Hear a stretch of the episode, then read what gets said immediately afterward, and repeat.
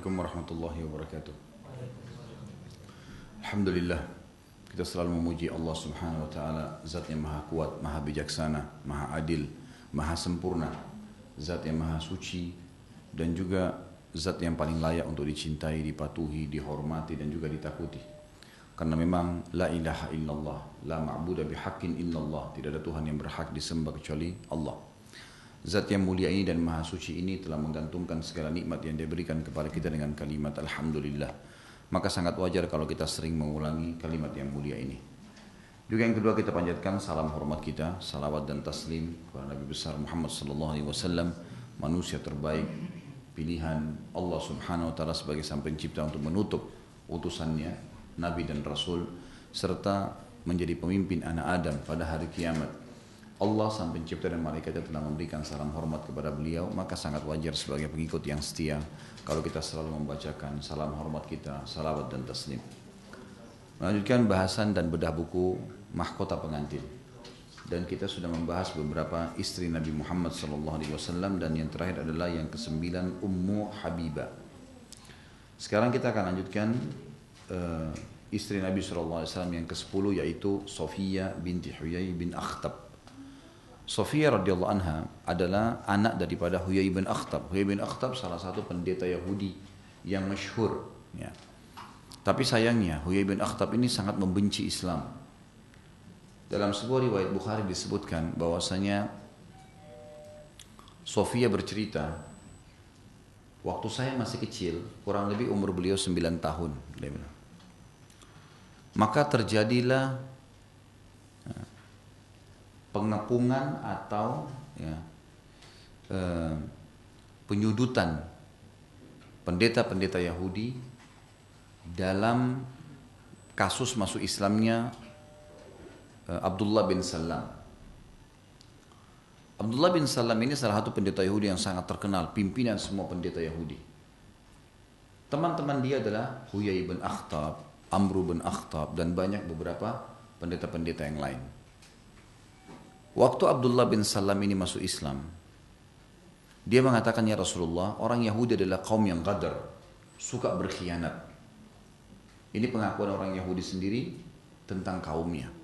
Kaum Yahudi suka berkhianat. Dan kalau Anda menginformasikan tentang masuk Islamnya saya, tiba-tiba mereka tidak akan percaya. Maka buatlah ya Rasulullah pengepungan tanda kutip ya atau penyudutan mereka di sebuah keadaan yang akhirnya mereka tidak bisa pungkiri itu. Undanglah pendeta-pendeta mereka. Maka Nabi SAW mengundang pendeta-pendeta Yahudi datanglah dari tiga sukunya pada saat itu. Suku Kainuqa, suku Nadir, dan suku Quraidah. Pimpinan suku, uh, uh, suku Nadir adalah Huyai bin Akhtab. Ayahnya Sofia. Kepala suku sekaligus juga dia pendeta. Datanglah beberapa pendeta Yahudi masuk ke masjid Nabi SAW, lalu Nabi SAW mengingatkan mereka, bertakwalah pada Allah ya orang-orang Yahudi, masuk Islamlah. Ya. Sesungguhnya aku utusan Allah dan kalian tahu itu dalam kitab kalian disebutkan Taurat. Kenapa kalian menolak untuk beriman? Kalian sampai hijrah ke Madinah karena mereka kalian tahu ini tempat hijrah saya. Semua sudah jelas buat kalian. Kenapa kalian tidak mau beriman? Mereka bilang kami tidak yakin kau Nabi. Kata orang Yahudi, gitu kan? Lalu kata Nabi SAW, bagaimana pendapat kalian tentang Abdullah bin Salam, pimpinan pendeta-pendeta Yahudi? Kata mereka, dia adalah tuan kami, dia adalah orang alim kami, ulama kami, dan dia orang yang paling ya, baik dan sempurna di antara kami. Abdullah bin Salam radhiyallahu anhu sudah masuk Islam tadi. Ya. Dia sembunyi di belakang tembok masjid. Lalu Nabi SAW mengatakan, wahai Abdullah keluarlah. Abdullah bin Salam keluar lalu mengatakan, Hai Yahudi, bertakwalah kepada Allah. Kalian tahu ini Muhammad adalah utusan Allah. Saya sendiri mengucapkan, Ashadu an la ilaha illallah wa anna Muhammad Rasulullah. Saya bersaksi, tidak Tuhan yang berhak disembah kecuali Allah dan Muhammad benar hamba juga utusannya. Tiba-tiba orang-orang Yahudi ini betul-betul terbukti gadarnya. Gadar ini tadi, berkhianatnya itu. Tadi dia puji-puji Abdullah bin Salam sekarang mereka balik mengatakan Abdullah bin Salam adalah orang yang paling bodoh di antara kami orang yang berkhianat di antara kami dan dia orang yang tidak mengerti apa-apa tidak punya kedudukan ringkas cerita Huyai bin Akhtab ini ayahnya Sofia bersama dengan teman-temannya pendeta yang lain pulang ke pemukiman mereka. Sofia radhiyallahu anha yang nanti akan jadi istri Nabi SAW di kemudian hari. Waktu itu masih umur 9 tahun dan dia mengatakan, saya pun kaget karena ayah saya membuka pintu dengan keras dengan dengan dengan kaget gitu kan dan diikuti oleh paman saya. Lalu biasanya mereka menciumku tapi kali ini mereka tidak menciumku sama sekali, kata Sofia. Karena besarnya masalah yang sedang mereka hadapin. Maka kata Sofia, saya pun mendengarkan pembicaraannya. Ayah saya bertanya kepada saudaranya, apakah memang betul dia? Kata saudaranya pendeta Yahudi juga, iya benar dia. Apakah dia benar yang disebutkan dalam Taurat? Nabi yang kita tunggu-tunggu? Kata saudaranya, iya benar. Lalu kata Huyai bin Akhtab, apa keputusanmu sebagai pendeta Yahudi? Dia mengatakan, saya tetap tidak akan beriman padanya karena dia bukan dari Bani Israel. Saya nggak mau beriman. Huyai bin Akhtab juga bilang, saya juga tidak mau beriman. Gitu kan. Jadi orang-orang Yahudi ini subhanallah seperti yang dikatakan oleh Abdullah bin Abbas radhiyallahu anhu Beliau mengatakan Yahudi itu firman Allah dalam surah Al-Fatihah ghairil maghdubi alaihim. Bukan orang-orang yang kaum murkahi ya Allah waladhdallin dan orang yang sesat kata Abdullah bin Abbas. Ini ulama fikihnya sahabat gitu kan? Karena Nabi SAW pernah menepuk dada Ibnu Abbas sambil berkatakan Allah mafik Allah mafakihu fid din. Ya Allah jadikan dia orang fakih dalam agama. Abdullah bin Abbas mengatakan tafsir ghair maghdubi alaihim adalah Yahudi orang-orang yang Allah murkai Yahudi karena mereka tahu kebenaran tapi mereka tidak mau ikuti dan dolin sesat adalah orang-orang Nasrani mau berdakwah tapi tidak tahu kebenaran mereka mengatakan Allah punya anak jadi orang-orang Yahudi teman-teman ini kaum ghadar, memang suka berkhianat. Bahkan Yahudi itu dia tidak merasa bersalah kalau dia harus mengkhianati selain Yahudi, bahkan orang Yahudi sendiri. Dan mereka menghalalkan darahnya, mereka menghalalkan hartanya seluruh muslimin. Saya dan anda ini dihalalkan darahnya dan hartanya oleh orang-orang Yahudi. Gitu kan. Dianggap itu adalah hal yang masalah. Nipu, bunuh, makanya mereka tidak merasa berdosa dengan membantu umat Islam di Palestina misalnya. Seperti itulah. Huyai bin Akhtab ini menjadi salah satu korban yang terbunuh pada saat salah satu dari tiga suku Yahudi ini berkhianat. Saya akan sebutkan kisah ringkas ya tentang tiga suku Yahudi di Madinah. Qainuqa, Nadir dan Quraidah. Ayahnya Sofia ini adalah radhiyallahu anha adalah pimpinan suku Nadir. Suku yang kedua. Pertama Kainuqa, yang kedua Nadir, yang ketiga Quraidah. Ketiga suku ini diusir oleh Nabi SAW dari Madinah. Maaf, kedua suku yang pertama Kainuqa dan Nadir diusir dari Madinah. Quraidah dihukum bunuh. Saya ceritakan. Kalau Kainuqa diusir oleh Nabi SAW dari Madinah, akhirnya mereka berkumpul di Khaybar, ya, wilayah Khaybar. Sebabnya adalah karena ada seorang sahabiat Nabi perempuan belanja di pasar Yahudi. Waktu dia lagi belanja, anak-anak muda Yahudi yang milik toko ini godain supaya cadarnya dibuka. Laki-laki godain perempuan supaya cadarnya dibuka. Sahabat ini nggak mau.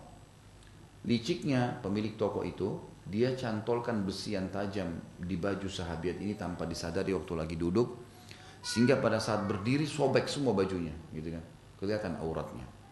Maka mereka pun si Yahudi ini bersorak-sorak. Melihat kejadian tersebut ada seorang sahabat laki-laki lewat, tidak pakai nunggu, dihenuskan pedangnya, ditebas tuh Yahudi. Mati. Lihat Yahudi ini mati, satu pasar ngeroyokin si sahabat tadi. Si muslim ini. Sampai sahabat itu pun mati. Sahabiat tadi yang dipermalukan sempat lari ke Madinah dan melapor kepada Nabi SAW. Ya Rasulullah, begini kejadiannya. Maka Rasulullah SAW membentuk pasukan mengepung suku Kainuqa. Meminta agar pembunuh tadi sahabat itu diserahkan. Mereka nggak mau. Mereka mau tunjukkan keberanian, mau melawan dan seterusnya. Hanya Nabi SAW mengepung sampai akhirnya mereka menyerah. Waktu mereka menyerah, oleh Nabi SAW diusir dari Madinah. Ini kisah suku Kainuqa, habis dari Madinah. Yang kedua adalah suku Nadir dan ini suku ayahnya Sofia radhiyallahu anha. Nama pimpinannya Huyai bin Akhtab, namanya si ayahnya Sofia ini. Kasusnya adalah pada saat Nabi Muhammad SAW datang ke pemukiman mereka untuk menuntut hak sesuatu hak muslim di situ. Ternyata Nabi SAW bersama Abu Bakar, Umar, Uthman, ya kalau tidak salah sama Ali dan Zubair berlima sahabat dan Ali, sama Nabi SAW berenam. Nabi SAW waktu duduk bersandar di salah satu tembok rumah mereka. Ternyata orang-orang Yahudi ini termasuk Huyai ibn Akhtab nih, ayahnya Sofia berkata, tidak ada kesempatan membunuh orang itu Muhammad SAW melebihi waktu yang sekarang ini. Ini paling tepat nih untuk bunuh. Siapa di antara kalian yang siap melemparkan batu dari atas rumah, kesempatan dia di bawah, kayak kita begini dilempar dari jendela batu, pasti dia mati. Karena satu Yahudi mengatakan saya. Dia ambillah batu besar, kemudian dia naik ke atas rumah. Nabi Muhammad SAW dapat wahyu dari langit. Jibril mengatakan, Yahudi di atas kepala kau mau melempar batu. Pulanglah. Nabi SAW berdiri, tidak ngomong apa pun sama kelima sahabatnya tadi. Abu Bakar, Umar, Uthman, Ali, dan juga Zubair. Nggak ditegur apa-apa. Nabi SAW langsung pulang. Para sahabat yang lima orang ini mengira kalau Nabi SAW lagi ke maaf kamar kecil. Karena zaman dulu kalau orang di, di rumah itu tidak ada kamar kecil, kamar kecilnya di luar, gitu kan, jauh. Maka mereka mengira Nabi SAW mau kamar kecil, makanya tidak ngomong apa-apa. Setelah lama mereka nunggu, ternyata Nabi SAW tidak balik-balik nih. Yahudi juga tidak curiga, karena Nabi SAW cuma berdiri saja. Yang pegang batu masih nunggu di atas tuh. Siapa tahu Nabi balik gitu. Yang terjadi Abu Bakar, Umar, Uthman, Ali dan juga Zubair pulang ke Madinah sepakat pulang. Coba cari Nabi SAW sampai mereka tiba di Madinah kaget. Maksudnya ke, ke pemukiman kaum muslimin karena ini semua masih di Madinah ya termasuk suku Nadir ini tinggal di Madinah waktu itu. Kembali ke pemukiman kaum muslimin ditemukan Nabi SAW sudah membentuk pasukan. Akan menyerang orang-orang Yahudi yang terjadi teman-teman sekalian terbentuklah pasukan lalu dikepunglah suku Nadir kasusnya sama.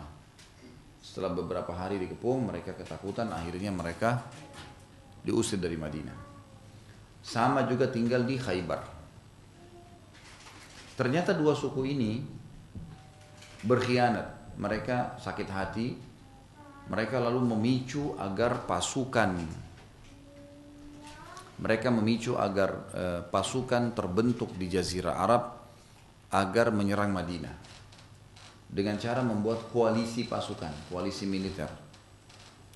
Caranya si Uyai, Uyai bin Akhtab nih, pimpinannya ya, suku Kain Nadir tadi, memotivasi suku-suku Arab, ayo kita serang Madinah nih. Terus Madinah kita bagi-bagi aja. Sampai mereka berhasil mengumpulkan termasuk Quraisy di dalamnya 10.000 pasukan kuda. Dan pasukan kuda ini teman-teman sekalian kalau sekarang seperti tank, kuat sekali. Gitu kan, kuat sekali. Karena dari kepala si kesatria yang ada di atas kuda itu sampai ke kaki dia dan sampai ke kaki kudanya semuanya besi. Jadi nggak bisa ditebas sama pedang. Kudanya juga bisa nyerang. Jadi kalau 10.000 pasukan kuda itu pasukan yang sangat luar biasa besarnya. Ya, di zaman itu luar biasa. Yang terjadi teman-teman sekalian, 10 ribu ini terbentuk dan akhirnya Huyai bin Akhtab bersama dengan beberapa pimpinan Yahudi menuju ke Mekah lalu memberi menunjuk Abu Sufyan sebagai pimpinan perang. Abu Sufyan sempat bertanya, ya, wahai orang-orang Yahudi, kalian kan ahli kitab, tahu ada kitab dari langit. Mana menurut kalian yang benar, agama kami atau agamanya Muhammad? Orang-orang Yahudi ini saking berkhianatnya mereka mengatakan, ya, agama kamu, Hai Abu Sufyan, sembah berhala ini benar. Karena dia maunya orang-orang Quraisy menyerang Madinah. Maka bersorak-soraklah orang-orang Yahudi, orang-orang Mekah ini kemudian menganggap inilah benar. Lalu kemudian terbentuk pasukan menyerang Madinah. Waktu itu Huyai bin Akhtab sempat masuk ke dalam Madinah sebelum pasukan datang dan dia bergabung dengan suku Yahudi yang ketiga namanya Quraidah. Suku Quraidah ini membuat kesepakatan damai dengan Nabi SAW tidak akan berkhianat. Tidak seperti dua suku Yahudi yang lainnya. Nadir dan Kainuqa. Karena mereka tidak mau dikeluarkan dari Madinah. Ternyata Bapak Ibu sekalian, suku Quraidah berkhianat juga. Akhirnya mereka berusaha untuk memasukkan pasukan Quraisy hanya saja tidak jadi karena ada kejadian kecil yang saya angkat dalam sirah itu dibahas bahwasanya suku Quraidah ini waktu mereka mau buka benteng mereka supaya bisa masuk pasukan koalisi ini yang pada saat itu Nabi SAW membuat parit atau khandak yang mereka tidak bisa tembus. Jadi kalau kita ibaratkan meja ini dulu adalah Madinah, maka di pinggir bagian selatannya dibuat khandak oleh Nabi SAW. Di timur dan baratnya itu penuh dengan batu-batu hitam yang tajam, hektaran luasnya, tidak bisa diserang Madinah dari situ. Bagian utara, bagian depan meja ini, ini kalau contoh saja, bagian utaranya adalah penuh dengan pohon-pohon kurma. Dan terlalu jauh orang-orang Quraisy harus putar dari batu-batu tajam ini ke belakang itu pun mereka harus lewatin kebun-kebun kurma yang lebat menyusahkan pasukan. Tidak ada jalan lain kecuali menyerang dari selatan. Dan perlu kita tahu Madinah itu berada di utara Jazirah Arab Mekah ada di selatan Jazirah Arab. Jadi orang kalau dari Mekah mau ke negeri Syam harus lewat Madinah dulu makanya daerah selatan Madinah saja yang dibuatkan parit di ujung parit ada bentengnya Yahudi Quraidah ini karena benteng jadi tidak dibuat parit, ada temboknya. Mereka punya kesepakatan dengan Nabi SAW di Madinah untuk membela sama-sama. Kalau ada pasukan yang mau nyerang harus bela. Waktu datang pasukan Ahzab ini dalam surah Ahzab Allah ceritakan surah nomor 33 datang ingin menyerang Madinah mereka kaget melihat parit belum pernah mereka lihat sebelumnya perang seperti ini parit yang cukup besar dalamnya 7 meter lebarnya 15 meter gitu kan. ini sulit kuda nggak bisa lewatin gitu kan. ringkas cerita mereka cari jalan, tidak ada jalan keluar kecuali kerjasama sama Quraidah nih, suku Yahudi tadi yang tinggal satu. Diajaklah negosiasi, pertama mereka nolak, lama-lama mereka setuju. Karena ada motivasi dari Yahudi-Yahudi yang lain mengatakan untuk apa kalian pertahankan diri. Ini Muhammad sebentar lagi mati nih. Ini seribu, sepuluh ribu orang pasukan sudah datang. Madinah lemah nggak punya pasukan, gitu kan. Maka akhirnya mereka berkhianat. Caranya mereka akan buka pintu gerbang mereka supaya pasukan koalisi bisa masuk dan menyerang Madinah. Dan pada saat itu memang kondisi Madinah sangat lemah, sangat lemah. Kalau teman-teman ikutin dalam materi sirah yang sudah diangkat juga di YouTube oleh teman-teman tim, alhamdulillah, jazakumullah khair. Ini sudah saya bahas panjang lebar tentang masalah perang Quraidah. Ringkas cerita, orang-orang Quraidah ini besok rencana mau buka pintu gerbang mereka untuk pasukan koalisi. Malam harinya ada kejadian yang luar biasa. Kejadian yang sebenarnya sederhana tapi berpengaruh besar dalam keselamatan muslimin dan juga Madinah. Yaitu orang-orang Quraidah ini laki-lakinya 700 orang personel perang sepakat. Kita lebih baik ya kita lebih baik mengambil wanita-wanita muslimin dan anak-anak mereka sebagai harta rampasan perang kita kita jadikan budak. Sebelum besok pasukan koalisi masuk karena kalau koalisi masuk mereka akan menguasai nanti perempuan-perempuan muslimin dan juga anak-anaknya serta harta mereka. Dan mereka dengar Quraisy dengar kalau wanita-wanita dan orang tua serta anak kecil dan harta muslimin disimpan di satu benteng itu dekat dengan benteng Quraisy jadi kalau ibaratnya tempat tisu ini benteng muslimin maka uh, di sini di HP saya ini ini adalah benteng Quraisy jadi berdekatan. Dan di sini muslimin lagi bertumpuk di tengah-tengah kota Madinah untuk menghadapi pasukan yang takut kalau ada yang melewati khandak tadi. Keluarlah mungkin sekitar 20-30 orang dari pasukan Quraidah. Mereka ingin masuk ke benteng ini. Ingin merebut wanita-wanita muslimin dan juga anak-anak. Tapi mereka tidak tahu. Di benteng ini Nabi SAW taruh laki-laki nggak pasukan untuk membela mereka. Caranya 20-30 orang ini masuk mendekati benteng Kemudian mereka mengintai, memata-matai. Caranya satu orang naik ke benteng untuk lihat ke atas, kelihatan. Waktu mereka datang menginap-inap di depan benteng, ternyata tante Nabi Shallallahu Alaihi Wasallam, tante kandungnya Nabi, ya, itu adik, eh, kakak dari ayah Nabi SAW, namanya Sofia, sama dengan Sofia ini sebenarnya namanya sama, tapi ini tante Nabi, Sofia binti Abdul Muttalib. Sofia ini ibunya Zubair bin Awam. Zubair bin Awam sahabat Nabi, salah satu yang dijamin dari 10 orang yang dijamin masuk surga gitu kan. Yang sangat tegas dan pemberani sekali perempuan ini. Sofia lihat nih, ternyata ada 20-30 orang orang Yahudi keliling-keliling nih. Mereka sudah kelihatan sekali mau, mau membuka pintu gerbang supaya merebut muslimin ini. Gitu. Akhirnya Sofia bilang kepada salah satu penyair Nabi Shallallahu Alaihi Wasallam Hasan ibn Thabit kalau saya tidak salah lalu berkata Hasan, ayo bunuh mereka itu, lawan. Kata Hasan, saya nggak bisa. Saya orang tua. Hasan itu umurnya 85 tahun waktu itu. Saya nggak punya kemampuan melawan dan juga ya saya penyair, nggak bisa. Gitu. Maka Sofia pun mengambil inisiatif sendirian. Tante Nabi SAW ini mencari baju perang laki-laki dipakai sama beliau. Kemudian dia menunggu di uh, puncak tembok benteng. Pada saat satu orang Yahudi itu naik memata-matai mau melihat dia menunggu di dekat situ sembunyi kemudian pada saat Yahudi itu datang dipukul kepalanya dengan batu. Riwayat lain mengatakan dengan tiang. Ada tiang dipukul kepalanya akhirnya bocor Yahudi itu tersebut luka. Dengan gerakan yang cepat Sofia memenggal kepalanya Yahudi itu. Diambil kepalanya lalu kemudian Sofia berdiri di tembok mengangkat dengan tinggi memperlihatkan ke orang-orang Yahudi yang di bawah itu. Waktu mereka lihat kaget mereka ternyata ada laki-laki. Ya. Mereka anggap laki-laki karena Sofia nggak kelihatan pakai baju perang laki-laki. Kemudian dilempar kepalanya Yahudi yang memata-matai tadi ke bawah. Begitu melihat kepala mereka yang 20 orang ini pulang kembali ke benteng dan mengatakan benteng muslimin penuh laki-laki tuh. Padahal sebenarnya tidak ada orang. Ya. Ini kalau mereka berhasil mereka akan mengambil, mengerusak nih. Dan ini akan mengacaukan keamanan Madinah dan akan mengacaukan pasukan muslimin yang fokus melawan pasukan Ahzab. Akhirnya Quraisy tidak berani membuka benteng besoknya dan akhirnya sampai muslimin berhasil memenangkan peperangan. Menanglah pasukan muslimin perang Ahzab ini Allah SWT kirim angin kacau semua hancur semua pasukan Quraisy ini dan pasukan Ahzab akhirnya tinggal suku Quraisy saja. Nabi SAW waktu itu sangat letih capek ya, dikepung sekitar 43 hari oleh orang-orang Quraisy dan mereka sibuk betul mempertahankan Madinah pada saat itu. Waktu sudah terbongkar semua pasukan Ahzab ini, pulang semua ke Mekah, maka Nabi SAW pulang ke rumahnya lalu mandi. Begitu beliau mandi, datanglah Jibril AS menjelma menjadi Dihyal Kalbi radhiyallahu anhu. Dihyal Kalbi salah satu sahabat yang pemberani dan juga gagah sekali. Jibril kalau menjelma sering menjelma jadi Dihyal Kalbi. Maka Dihyal Kalbi mengetok pintu. Saya sebenarnya di Jibril. Lalu Aisyah mengatakan siapa? Lalu Dihya, Dihya uh, mengatakan Assalamualaikum, dia salam saja. Dibuka ternyata Dihya, menurut Aisyah Dihya. Kata dia, mana Rasulullah? Kata, kata Aisyah, lagi mandi. Kata dia, sampaikan ada berita penting yang saya ingin temu, sampaikan. Lalu disampaikan kepada Nabi SAW, begitu Nabi SAW keluar, Nabi tahu kalau ini Jibril. Gitu kan?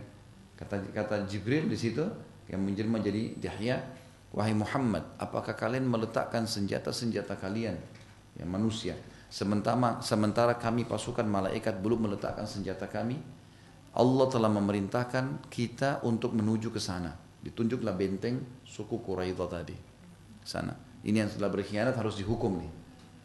Pergilah Nabi SAW mengiklankan kepada para sahabatnya, oh, Allah menyuruh kalian jangan ada yang sholat asar sore itu juga kecuali di Bani Quraidah, di sukunya mereka, bentengnya mereka. Pergilah para sahabat yang pada saat itu tentunya ada sahabat yang tiba di suku Quraisy maghrib dan mereka belum sempat sholat asar. Ada yang juga sempat sholat asar di jalanan. Lalu terdengar oleh Nabi SAW, Nabi SAW membenarkan keduanya. Nah beliau mengatakan jangan sholat kecuali di asar kecuali di Quraisy. Dikepunglah suku Quraisy sampai beberapa hari akhirnya mereka kehabisan bekal, mereka ketakutan, akhirnya mereka keluar. Waktu itu hukumannya adalah 700 personil perang mereka dibunuh semuanya. Suku Quraisy karena mereka berkhianat. Lalu wanita mereka, anak-anak mereka dibagikan kepada muslimin menjadi harta rampasan perang untuk dididik jalan Islam. Ya. Ringkas cerita teman-teman sekalian, Huyai bin Akhtab, ayahnya Sofia yang jadi istri Nabi SAW nanti, itu berada di benteng Quraisy pada saat itu. Dan dia termasuk korban yang terbunuh oleh pasukan muslimin. Berjalan waktu teman-teman sekalian setelah pasukan Ahzab bubar, Nabi SAW mulai menghukum semua yang partisipasi ikut dalam pasukan Ahzab tadi yang mau menyerang Madinah. Ada banyak suku-suku Arab. Satu persatu diserang oleh Nabi SAW. Terakhir puncaknya yang diserang oleh Nabi adalah Khaybar. Khaybar ini tempatnya dua suku Yahudi yang menjadi penyebab pasukan Ahzab. Kainuqa dan Nadir tadi. Dikepung oleh Nabi SAW tentu ada kisah sendiri tentang peperangan uh, peperangan Khaybar ini Ringkas cerita, setelah 40 hari sekian Nabi SAW mengepung berhasil menembusnya. Dan Sofia menjadi salah satu dari harta rampasan perang Nabi Muhammad SAW. Waktu itu Nabi SAW membebaskan dari keterbudakan dan menjadikan pembebasannya dia itu sebagai maharnya. Dan akhirnya dinikahi oleh Nabi Wasallam. Tentu di sini khilaf di antara ulama tentang masalah apakah semua muslim laki-laki boleh wanita yang ditemukan di kancah peperangan dinikahi dengan cara seperti Nabi SAW nikahi Sofia yaitu dia mengatakan saya bebaskan kau dari keterbudakan pembebasanmu adalah maharmu karena Nabi SAW menjadikan mahar jadi Nabi SAW tidak kasih lagi apa-apa ke Sofia tidak ada lagi emas, tidak ada lagi harta, tapi pembebasan keterbudakannya. Gitu. Khilaf di antara ulama, ada yang mengatakan ini khusus untuk Nabi SAW, ada juga yang mengatakan ini boleh umumnya kaum muslimin. Dan itu sudah disebutkan oleh penulis di sini. Saya akan bacakan teman-teman sekalian poin yang ke-10 atau istri beliau yang ke-10 Nabi SAW. Kemudian beliau menikahi Sofia binti Huyai bin Akhtab radhiyallahu anha, pemuka Bani Nadir ayahnya, anak keturunan Harun bin Imran saudara Musa. Jadi ini keturunannya langsung Nabi Harun. Jadi Sofia adalah putri seorang nabi dan suami adalah nabi. Ini salah satu wanita tercantik di dunia pada saat itu. Dulunya ia menjadi budak Nabi SAW. Lalu beliau memerdekakannya dan menjadikan pemerdekaannya sebagai maharnya. Kemudian hal itu menjadi sunnah bagi umat ini hingga hari kiamat. Yaitu seorang laki-laki memerdekakan budaknya dan menjadikan pemerdekaannya sebagai maharnya. Lalu dengan hal itu ia telah menjadi istrinya. Jika seorang mengatakan aku memerdekakan budak wanitaku dan aku jadikan pemerdekaannya sebagai maharnya. Atau mengatakan aku menjadikan pemerdekakan budakku sebagai maharnya. Maka pemerdekakan dan pernikahannya sah. Serta wanita itu menjadi istrinya tanpa perlu memperbaharui akad kembali atau wali. Inilah zahir madhab Imam Ahmad dan banyak ahli hadis.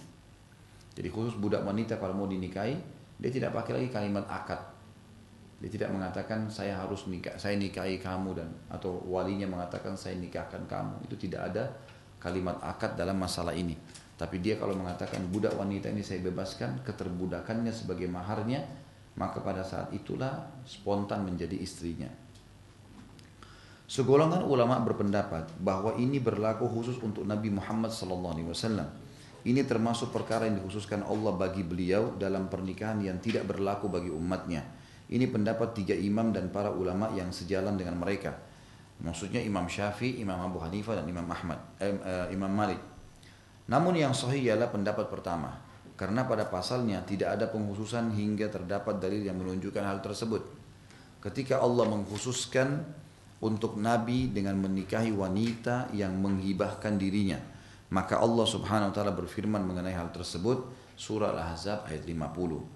A'udzu billahi minasyaitonir rajim khalisatan laka min dunil mu'minin. Sesungguhnya sebagai pengkhususan bagimu bukan untuk semua orang mukmin. Ya. Namun Allah tidak menyatakan hal ini berkenaan dengan wanita yang dimerdekakan dan tidak pula Rasulullah SAW mengatakan untuk memutuskan umatnya dari mencontohi hal itu. Jadi maksudnya semua muslim boleh melakukannya. Pada saat dia menang dari medan perang, dia dapat harta rampasan perang wanita yang jadi budaknya, dia boleh e, bebaskan dan menjadikan pembebasannya sebagai maharnya dan menikahinya. Allah SWT membolehkan menikahi wanita mantan istri anak angkat agar hal itu tidak menjadi suatu ganjalan bagi umatnya dalam hal menikahi wanita mantan istri anak angkatnya. Ini untuk kita jelaskan tentang kisah Zainab binti Jahsh. Ini menunjukkan bahwa jika beliau melakukan pernikahan maka umatnya berhak mencontohinya selama tidak ada nas dari Allah dan Rasulnya yang mengkhususkan atau memutus untuk menirunya. Ini sudah jelas. Ya. Baik. Di sini tentu sampai sini bahasan tentang Sofia, tapi saya akan tambahkan beberapa hal. Ada beberapa hadis Nabi SAW di antaranya tentang cemburu Aisyah radhiyallahu anha. Ini saya pernah jelaskan pada saat saya jelaskan Ummul Mukminin Umma Aisyah. Sebelum saya ingatkan kembali, saya sudah bilang Bapak Ibu sekalian, terutama Ibu-Ibu, cemburu itu hanya boleh dan difokuskan kalau terjadi pelanggaran agama saja. Selain daripada ini, cemburunya datang dari syaitan. Tidak benar. Ini kenapa? Dari mana dalilnya Ustaz? Banyak dalilnya. Banyak, bukan satu dua. Di antara dalilnya adalah perilaku-perilaku cemburu Aisyah radhiyallahu anha yang ditegur oleh Nabi sallallahu alaihi wasallam. Jadi yang menjadi hukum bukan cemburunya Aisyah, tetapi apa? Teguran Nabi Muhammad SAW. Cemburu Aisyah radhiallahu anha semuanya ditegur oleh Nabi SAW. Semuanya ditegur, gitu kan? Dan teguran ini menjadi hukum. Di antaranya adalah cemburu Aisyah pada Sofia. Pernah Nabi SAW dalam satu perjalanan membawa kedua istri beliau, Aisyah dan Sofia. Ternyata untanya Sofia lambat jalannya karena terlalu berat bebannya. Sementara unta Aisyah kencang jalannya karena tidak ada bebannya. Kecuali Aisyah saja di atasnya. Sofia ada orang dan ada barang. Barang ini banyak, gitu kan?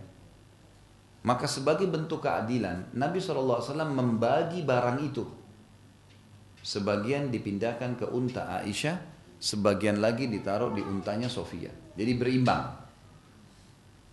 Aisyah waktu dengar, waktu tahu itu, dia tahu untahnya dipindahkan barang dari untanya Sofia, tiba-tiba cemburu. Teriak dengan suara keras, terdengar oleh sebagian sahabat, kata Aisyah anha, sungguh wanita Yahudi ini ya telah berani melampaui kita nih. Jadi membawa bahasa ini wanita Yahudi. Beberapa sahabat berdiri dekat untanya Aisyah nunggu instruksi. Ini kita mau ngapain nih? Gitu. Maka Aisyah pun melihat Nabi SAW melihat kafilah berhenti, belum jalan, datang kepada Aisyah. Lalu Aisyah mengatakan, apakah anda mengira diri anda ini utusan Allah, tapi ternyata berlaku seperti ini? Gitu kan? Lalu Nabi SAW jelaskan, unta Sofia kurang eh, berat beban. Dan ini barang kita semua bukan barangnya Sofia sendiri. Barang Nabi SAW barang Aisyah barang Sofia. Itu kan dalam perjalanan. Unta kamu nggak ada bebannya. Maka saya bagi beban itu. Gitu kan? Dan wahai Aisyah apa kau ragu saya adalah utusan Allah? Kalimat ini cukup membuat Aisyah menundukkan matanya. Apakah kau ragu? Aku adalah utusan Allah ditundukkan penglihatan matanya dan ini akhirnya Aisyah meminta maaf.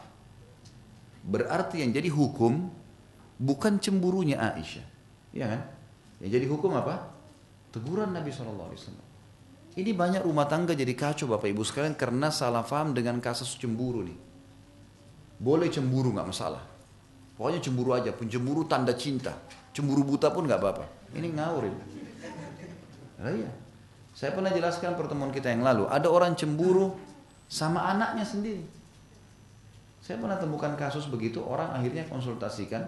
Jadi ada seorang ayah, seorang suami sangat baik dan anaknya sangat dekat dengan dia. Begitu pulang kerja pasti anak-anaknya pada datang semua. Anak-anak kecil digendongin, diajak main dan seterusnya. Mungkin bapak-bapak tahu lah begitu. Ya. Saya pun kadang-kadang di rumah menghadapi hal yang sama. Kalau begitu saya masuk, mereka dengar suara saya pada lari dekatin gitu. Ngobrol-ngobrol, bercanda sama anak-anak ini. Banyak istri tidak paham nih. Kalau ini anak-anaknya sendiri nih. Begitu lagi main sama ayahnya, oh kalau sama anak-anak perhatian, kalau sama saya tidak. Loh, ini anakmu loh ini. Apa yang mau dicemburuin nih? Hah? Ini kan salah ya. Ini karena cemburu buta, salah. Ada istri cemburu dengan mertuanya. Siapa mertuanya? Wanita seperti dia. Mertua perempuannya misalnya. Sementara suaminya secara hukum syari tetap wajib menomor satukan siapa? Ibu ayahnya. Sampai ulama mengatakan masuk dalam durhaka pada orang tua. Kalau seorang suami membiarkan istrinya dulu di depan di mobil bersama dia sementara ibunya di belakang. Durhaka tuh. Kecuali ibunya yang bilang, udah nak saya di belakang. Tak boleh. Maka setiap muslimah harus tahu kalau suami dia ini ibunya harus dinomor satukan. Lebih dari dia memang. Sebagaimana nanti dia juga kalau punya anak mantu akan sama. Kan itu.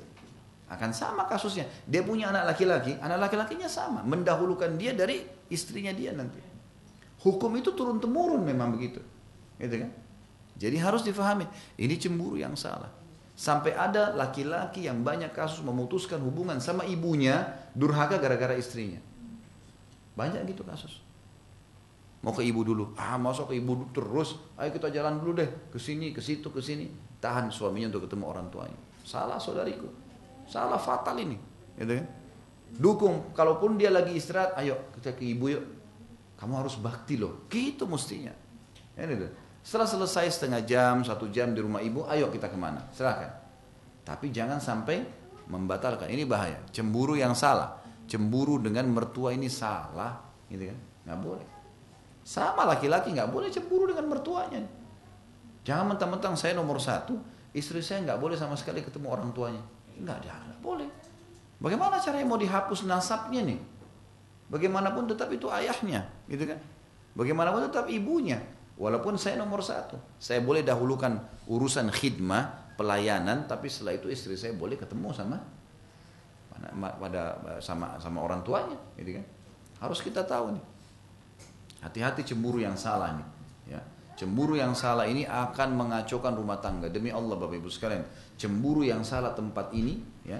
Ini setelah saya survei banyak kasus rumah tangga, itu karena cemburu buta, hancur, cerai gara-gara itu. Cemburu yang bukan pada tempatnya nih. Kalau bukan pelanggaran agama jangan cemburu, nggak boleh. Nabi Muhammad SAW pernah menemukan Asma binti Abi Bakar. Ini iparnya beliau nih, ya. Asma ini kakaknya Aisyah. Menikah sama Zubair bin Awam. Asma ini wanita yang sangat luar biasa, istri yang tidak bisa digambarkan luar biasa. Dia ceritakan dirinya, dia bilang saya setiap pagi mengambilkan Zubair air dari sumur yang jauh memikul dengan pundaknya. Saya menguruskan semua makanannya, pakaiannya sampai saya menggantikan sepatu kudanya. Jadi saking baktinya sama suaminya luar biasa, terkenal. Satu waktu eh, Asma ini lagi mikul barang berat. Nabi SAW lewat dengan beberapa orang sahabat, dilihat Asma lagi mikul barang.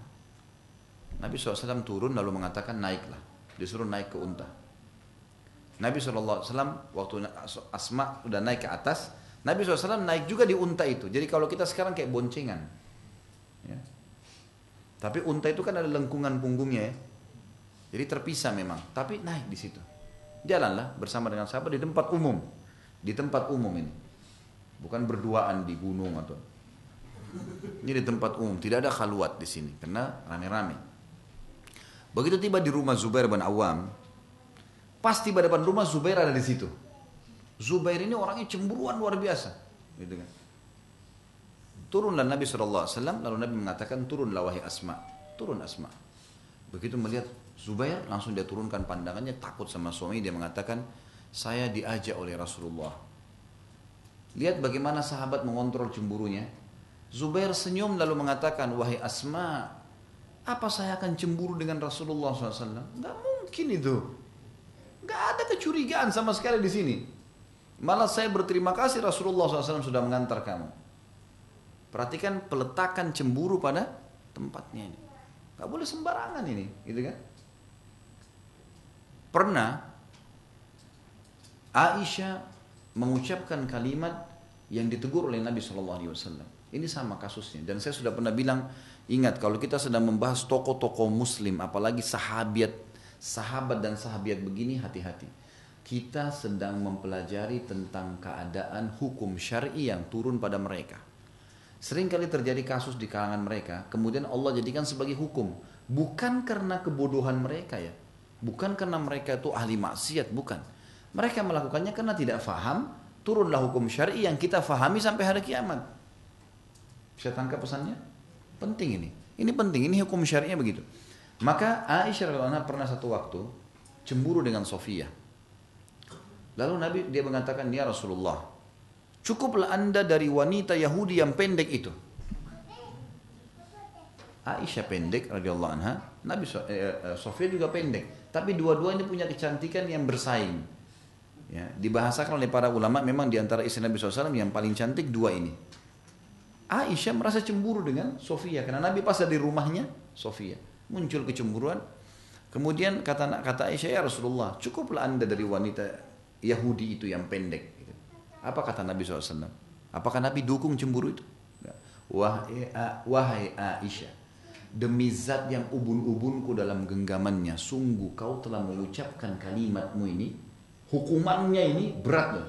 Kalimatmu ini kalau ditaruh di air laut maka akan hancur air laut itu. Artinya apa? Kalau kau tahu beratnya hukumannya Allah karena perkataanmu tadi ini, maka akan hancur semua amalmu nih. Apa yang terjadi? Aisyah minta maaf. Yang mana jadi hukum syar'i? Cemburu Aisyah atau teguran Nabi SAW? Teguran Nabi. Nah ini banyak orang salah paham. Bahkan banyak ustadz-ustadz yang salah paham nih. Aisyah aja cemburu dulu. Hati-hati. Aisyah cemburu sebab hukum. Kan itu. Tapi hukum yang berlaku adalah teguran Nabi SAW. Banyak ini subhanallah rumah tangga jadi kacau gara-gara cemburu buta nih.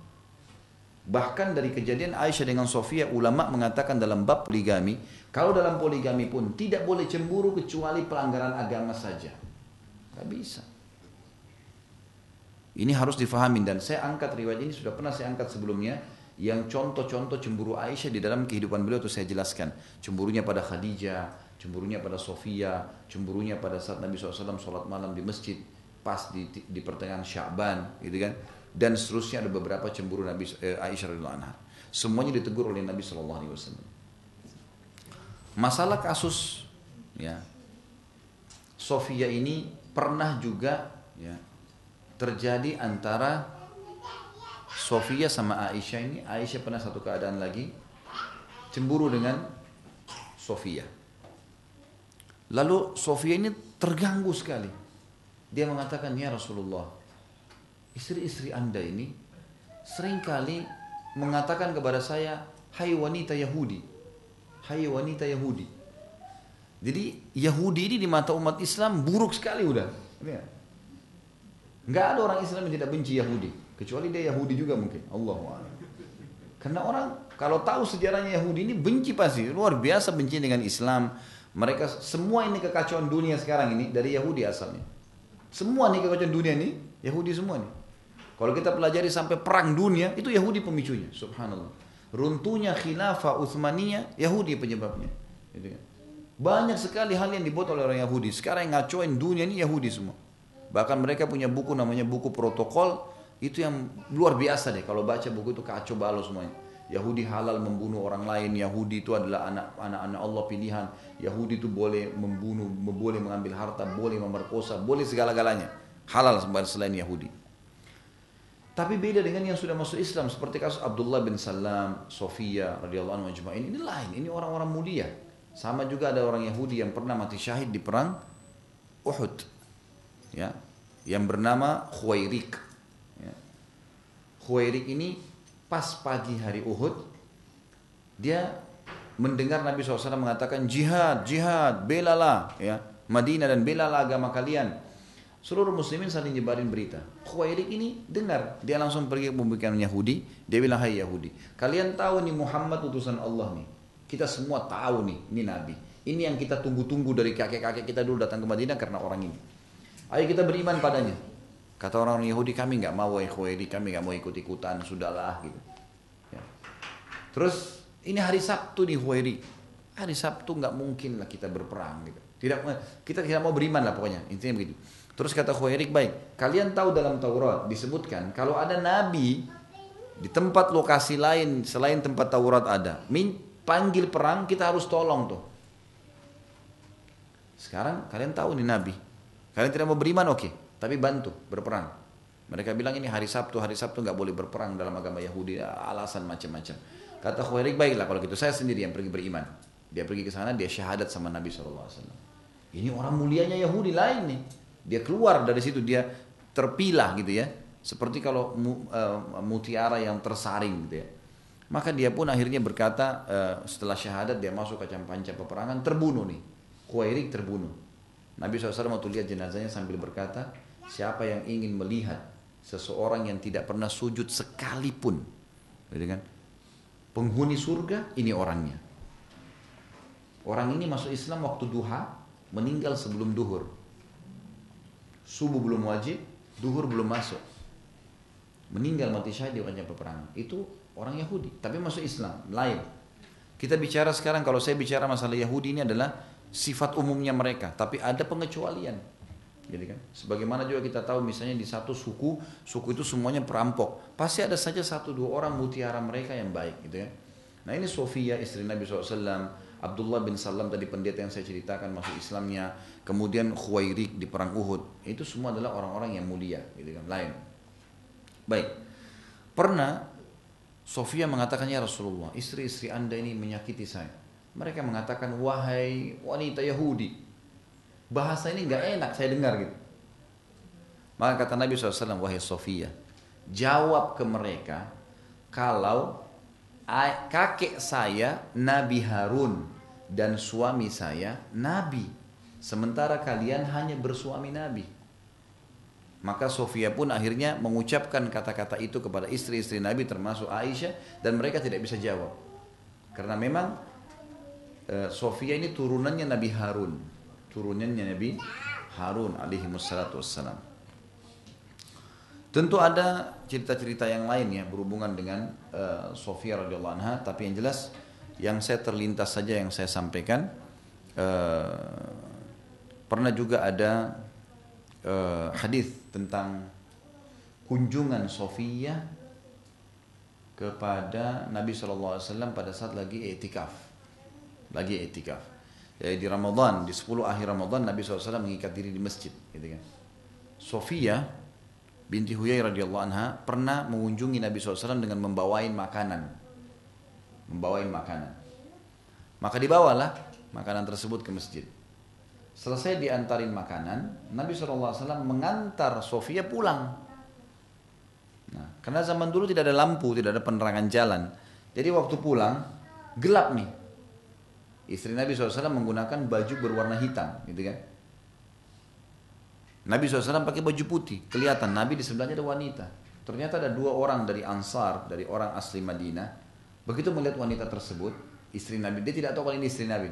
Penasaran dia, kok Nabi lagi etikaf, tinggal di masjid, syaitan goda mereka, gitu kan?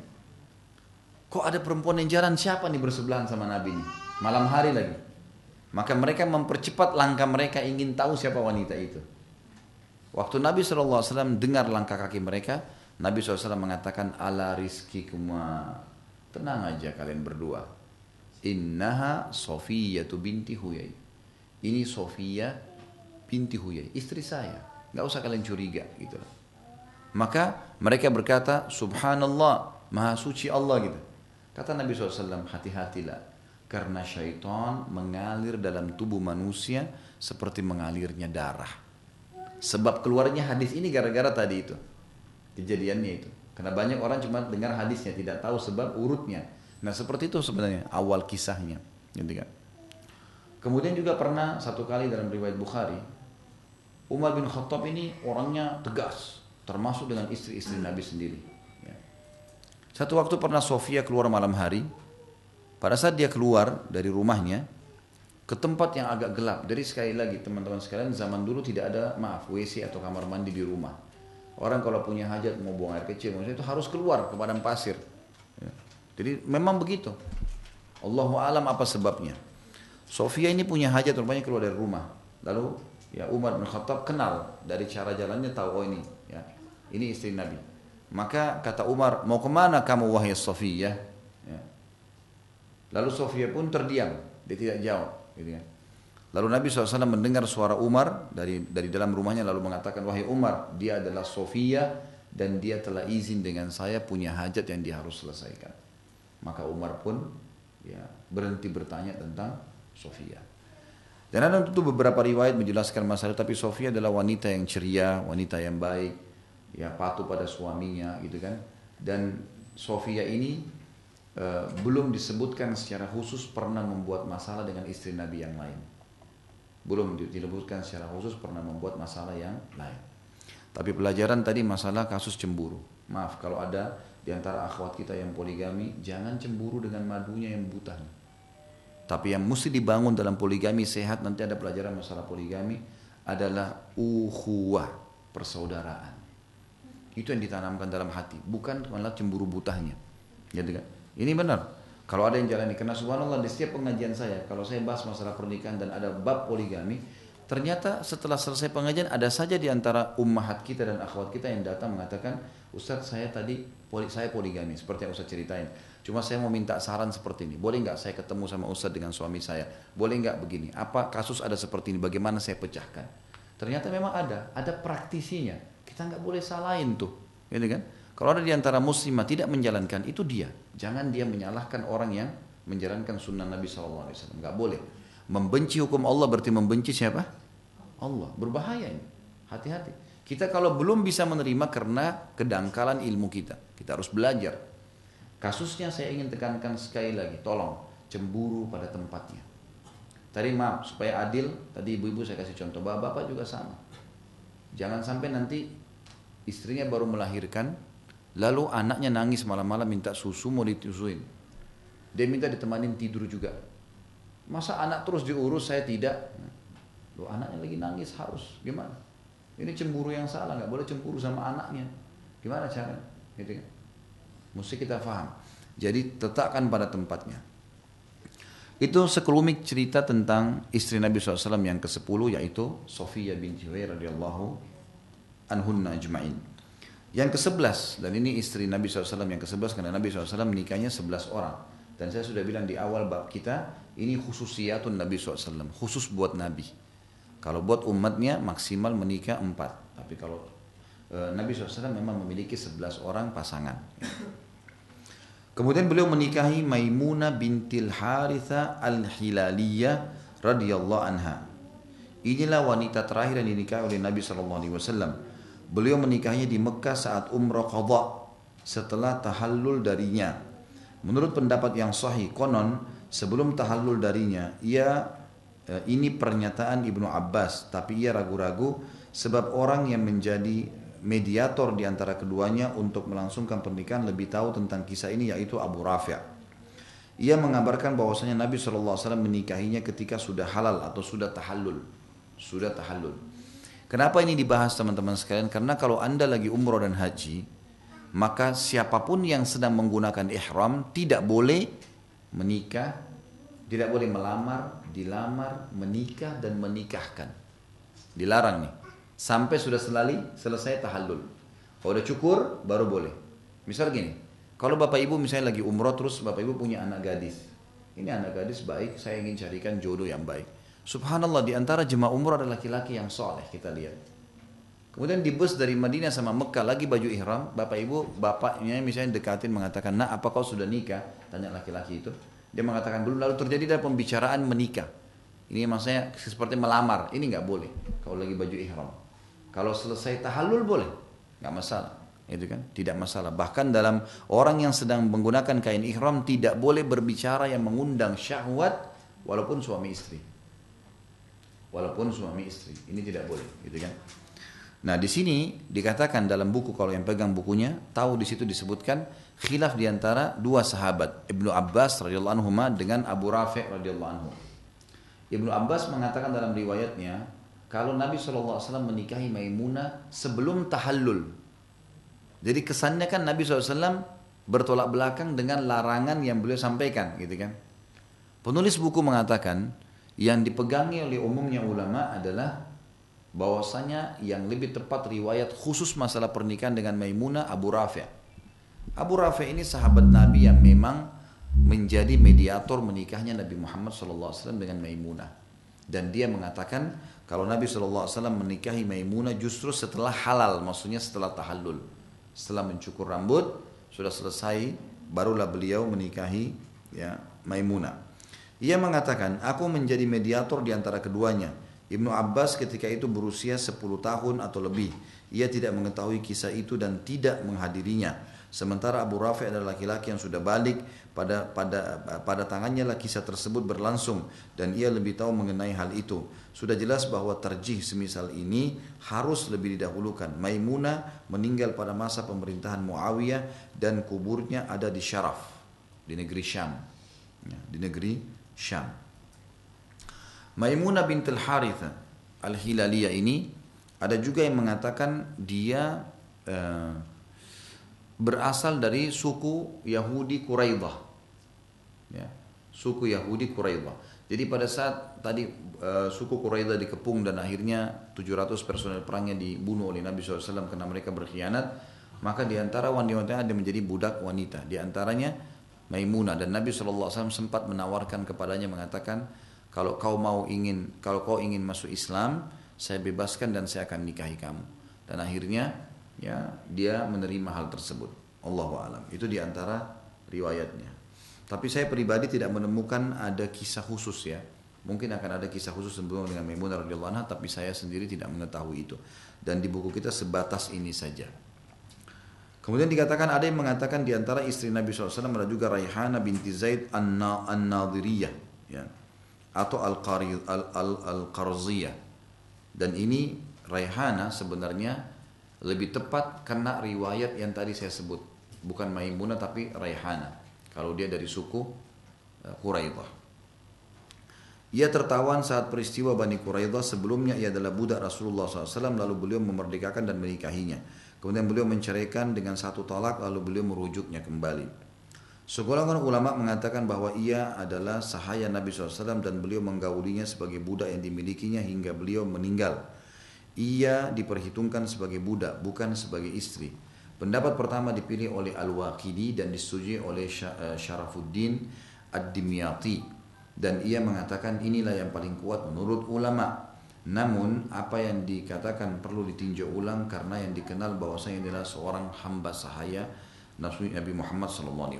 Jadi memang pernah saya jelaskan Bapak Ibu sekalian ada dua uh, ada dua uh, istri ada dua pasangan Nabi SAW. Ada istri Nabi, ada sahaya Nabi.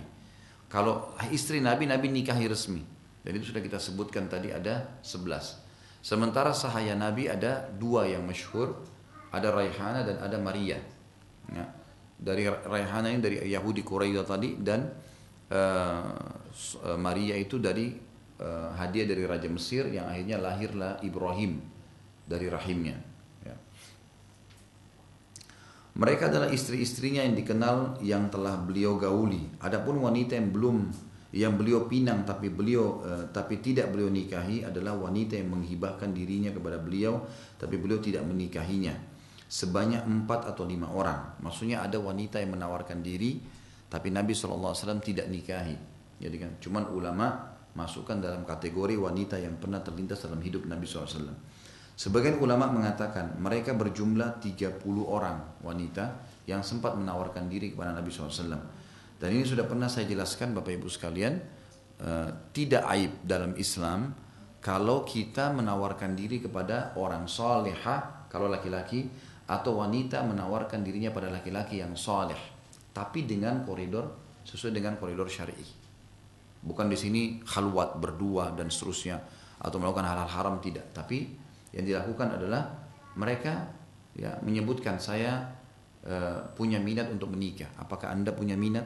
Sebagaimana wanita pernah datang di masjid menemui Nabi SAW dan mengatakan saya ingin menikah dengan anda ya Rasulullah. Saya hibahkan diri. Seperti itulah.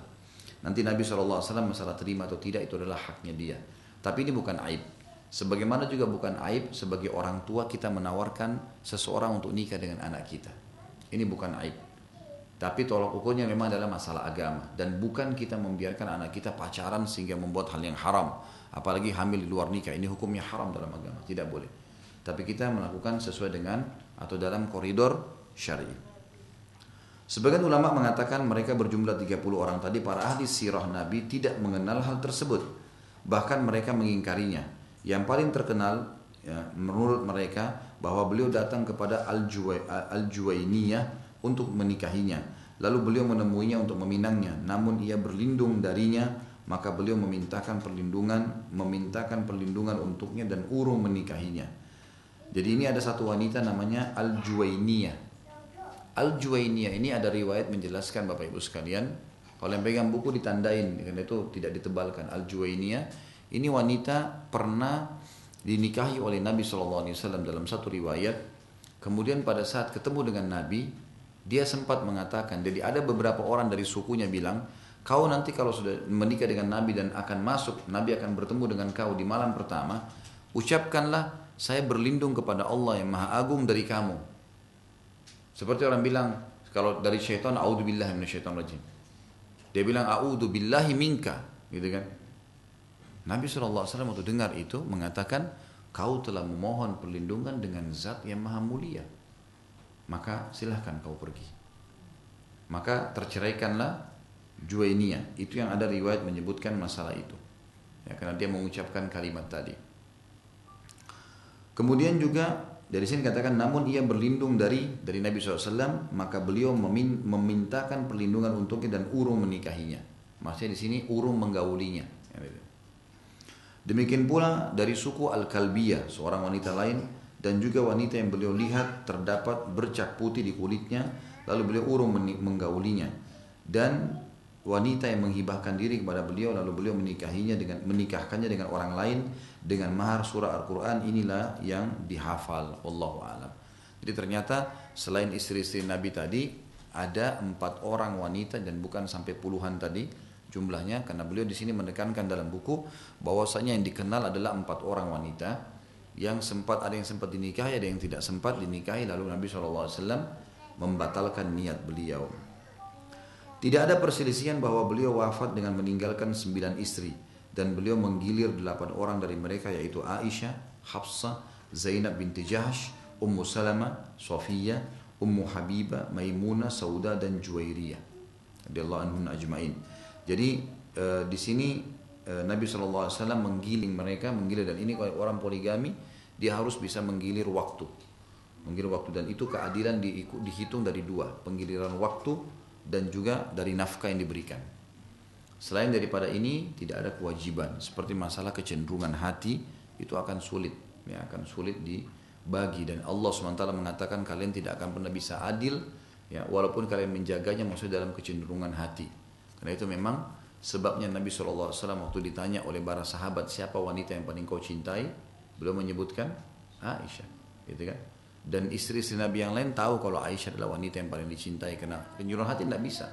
Siapa yang paling baik pelayanannya, paling santun pasti akan bisa mengambil hati suaminya seperti itu. Istri pertama yang menyusul Nabi setelah kematiannya adalah Zainab binti Jahash pada tahun 20 ya. Dan yang paling akhir meninggal dunia adalah Ummu Salamah pada tahun 62 pada masa kekhilafan Yazid. Wallahu a'lam. Jadi ini sudah selesai masalah istri-istri Nabi. Sekarang kita bahas sahaya wanita Nabi Muhammad SAW. Abu Ubaidah mengatakan Nabi SAW memiliki empat sahaya. Maria yaitu ibu dari anak beliau yang bernama Ibrahim, lalu Raihana dan budak lainnya yang beliau dapati di, di antara tawanan, serta budak wanita yang diberikan Zainab binti Jahash kepadanya. Dan ini disebutkan dalam Zadul Ma'ad. Zadul Ma'ad. Ya. Tentu di sini dalam hukum syari, ini hukum syari, gitu kan? Kita kalau bicara hukum syari tidak bisa bicara masalah perasaan. Memang di dalam hukum syariat Islam, sahaya itu digauli tanpa pernikahan pun sah. Ya, jadi tidak ada pernikahan. Kalau dia nikahi, maka itu lebih afdal. Ini hukum syari'inya begitu. Seperti misalnya Maria tidak dinikahi oleh Nabi Shallallahu Alaihi Wasallam. Dia dalam kedudukan sahaya, maka Nabi Shallallahu Alaihi Wasallam menggaulinya sebagai sahayanya sampai lahir anaknya Ibrahim. Dan dalam buku fikih kita ada namanya hukum ummul walad. Kalau ibu-ibu dan bapak sekalian baca buku fikih ada tertulis hukum ummul walad. Apa itu ummul walad? Seorang sahaya wanita yang hamil dari majik dari tu, bukan majikan ya, ini tuan. Ini memang beda dengan pembantu, jangan sampai salah paham. Ini memang harta rampasan perang. Maka kalau dia hamil dari tuannya, dia diberikan julukan Ummul Walad karena anaknya itu sudah anak tuannya dan itu anak merdeka. Secara otomatis dia menjadi ibu yang terhormatin sebagaimana umumnya ibu-ibu muslimin. Ya. Walaupun tadinya dia sahaya. Dan kalau suaminya meninggal, dia jadi merdeka secara otomatis. Otomatis dia merdeka dari keterbudakannya. Kita masuk sekarang Bapak Ibu sekalian ke judul baru namanya pernikahan di masa jahiliyah. Untuk lebih mengetahui tentang kemuliaan Islam, kita akan melihat bagaimana pernikahan di masa jahiliyah. Menikah pada masa jahiliyah ada empat cara. Yang pertama, nikah sebagaimana dilakukan manusia pada hari ini. Seseorang meminang kepada laki-laki lain, eh, kepada laki-laki eh, laki-laki lainnya seorang wanita yang berada di dalam perwalihannya atau putrinya. Laki-laki datang kepada laki-laki lain meminang siapa pun wanita dibawa ke walihan dia. Anaknya kah, saudarinya kah, ibunya kah, gitu kan. Lalu ia memberikan mahar kepadanya, kemudian wali menikahkannya dengan perempuan tadi. Yang kedua, seorang laki-laki mengatakan kepada istrinya, jika ia, jika ia telah suci dari haidnya, pergilah kepada si fulan dan bersetubuhlah dengannya. Lalu suaminya menjauhinya dan tidak menggaulinya selamanya hingga tampak kehamilannya dari laki-laki yang menggaulinya. Jika sudah tampak kehamilannya, maka suaminya menggaulinya jika mau. Sang suami hanyalah melakukan hal itu karena ingin mendapatkan anak. Nikah ini disebut dengan nikah istibda. Ini haram. Suami tidak punya anak atau punya anak tetapi dia lihat ada laki-laki yang kekar, yang perkasa, yang pemberani, punya jabatan, apalah kecerdasan. Lalu dia bilang sama istrinya, bergaullah sama laki-laki itu. Dia yang suruh, suaminya yang suruh. Nah, setelah bergaul, berapa kali pun bergaul, selama digauli oleh si laki-laki itu, suaminya tetap satu suami tapi dia tidak mau gauli istrinya. Sampai memang betul-betul hamil dari laki-laki itu. Kalau sudah dia tahu hamil, baru dia mau gauli istrinya kalau dia mau. Ini pernikahan haram dan tidak boleh. Tapi ini ada di zaman jahiliyah. Sekali lagi pernikahan jahiliyah nih. Yang ketiga, sejumlah orang kurang dari 10 orang berkumpul lalu mereka menemui seorang wanita. 10 orang laki-laki menggauli satu wanita. Mereka semua menggauli wanita itu. Jika wanita itu hamil lalu melahirkan, dan telah lewat beberapa malam setelah melahirkan maka ia menyuruh mereka datang. Si perempuan minta sepuluh laki-laki datang semua ke dia. Tidak ada seorang pun dari mereka yang kuasa menolaknya. Harus patuh. Karena perempuan ini telah memanggil mereka karena sudah digauli oleh laki-laki tadi. Hingga ketika mereka telah berkumpul di hadapannya maka ia mengatakan kepada mereka kalian sudah tahu tentang urusan kalian. Sungguh aku telah melahirkan dan ini adalah anakmu wahai fulan dia tunjuk laki-laki yang dia mau. Ia menyebut laki-laki yang disukainya dengan menyebut namanya. Akhirnya anak itu diberikan kepadanya dan laki-laki itu tidak kuasa menolaknya. Ini nikah yang ngawur. Gitu. Tapi seperti itulah. Ini ada di zaman jahiliyah. Perempuan ini punya kedudukan. Gitu kan? Karena punya kedudukan, dia boleh bergaul sama laki-laki mana saja. Baik itu sengaja atau dia jebak, sama hukumnya. Kalau dia bilang, saya sudah digauli oleh laki-laki ini, laki-laki ini, maka laki-laki itu kemudian dia hamil dikumpulin semua sama dia, lalu dia panggil. Setelah dia melahirkan, dia panggil dan dia ini semua harus datang. Hukum adatnya begitu. Semua laki-laki yang pernah gauli 10, 20 orang suruh datang semua, lalu dia tunjuk siapa yang dia suka di antara mereka. Misal laki-laki yang nomor tiga, kamu yang nomor tiga ini, kamu ayahnya anak ini. Maka secara otomatis itu menjadi suaminya. Ya, gitu. Naudzubillah, ini tentu kejahilan. Kemudian yang keempat, banyak orang berkumpul lalu menemui seorang wanita. Wanita tersebut tidak menolak siapa saja yang datang kepadanya. Ia adalah pelacur. Wanita itu menancapkan bendera sebagai tanda depan pintu rumahnya. Jadi zaman dulu kalau pelacur itu taruh bendera depan rumahnya. Sayangnya sekarang kita ini kalau merayakan kemerdekaan. kalau zaman dulu tuh pasang bendera. Jadi tapi bendera ini memang khusus. Jadi orang tahu oh bendera ini kayak kita sekarang pakai bendera kuning orang mati apalah gitu. Nah, ini ada benderanya khusus gitu. Siapa saja menginginkannya bisa menemuinya. Jika ia hamil lalu melahirkan, maka mereka berkumpul kepadanya dan mereka mengadakan undian untuk mereka. Setelah itu mereka memberikan anaknya kepada laki-laki yang mereka pandang pantas.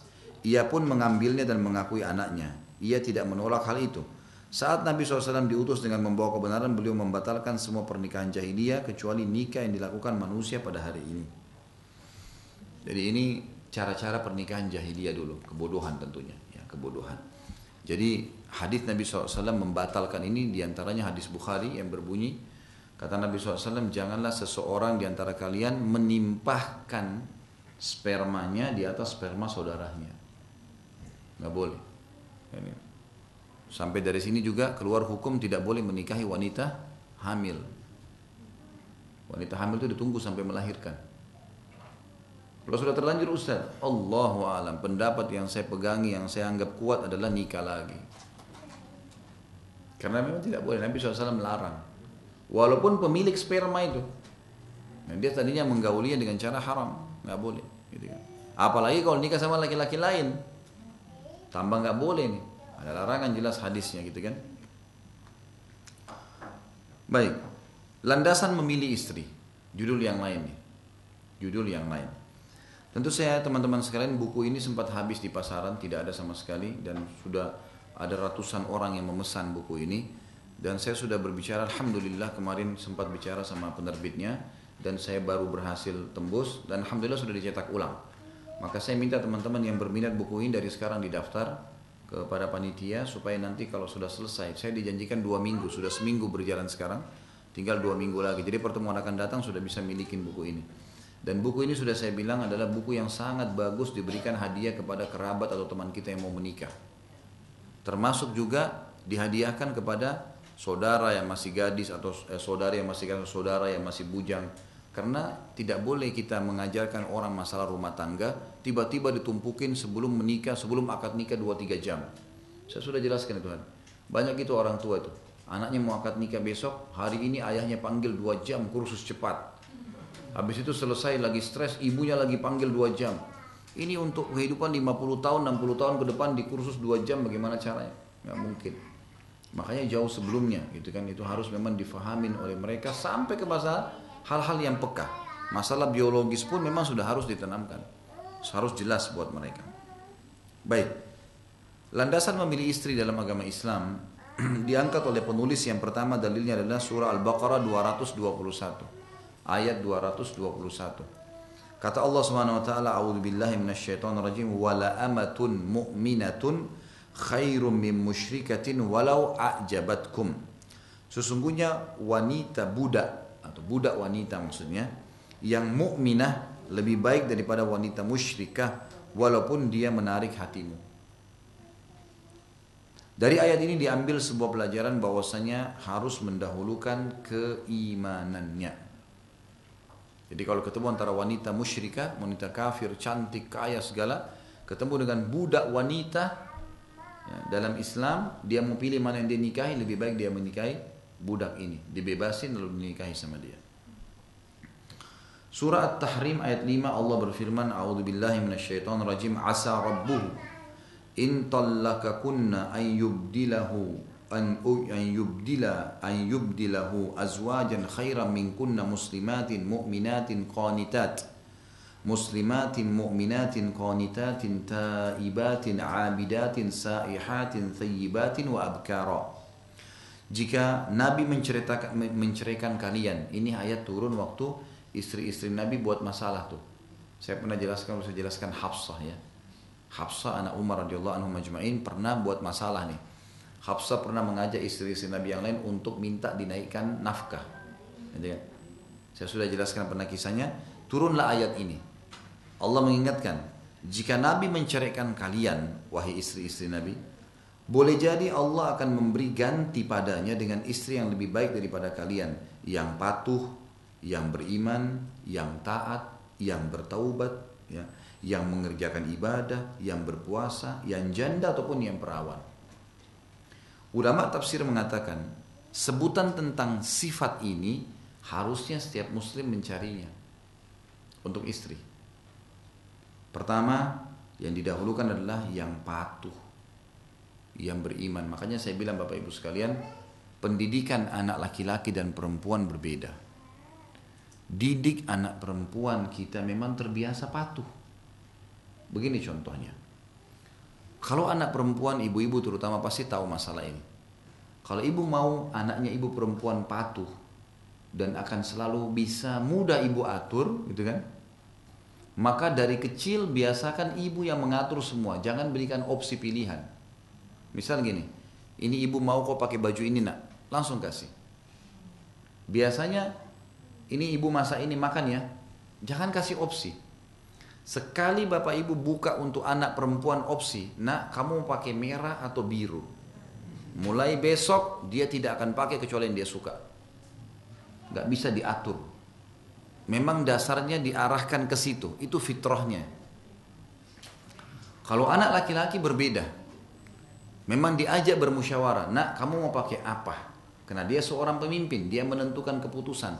Itu pun anak laki-laki walaupun sudah diberikan opsi begitu, dia masih sering bilang sama ibunya, ibu pilihin deh. Kalau anak perempuan tidak mungkin, mustahil.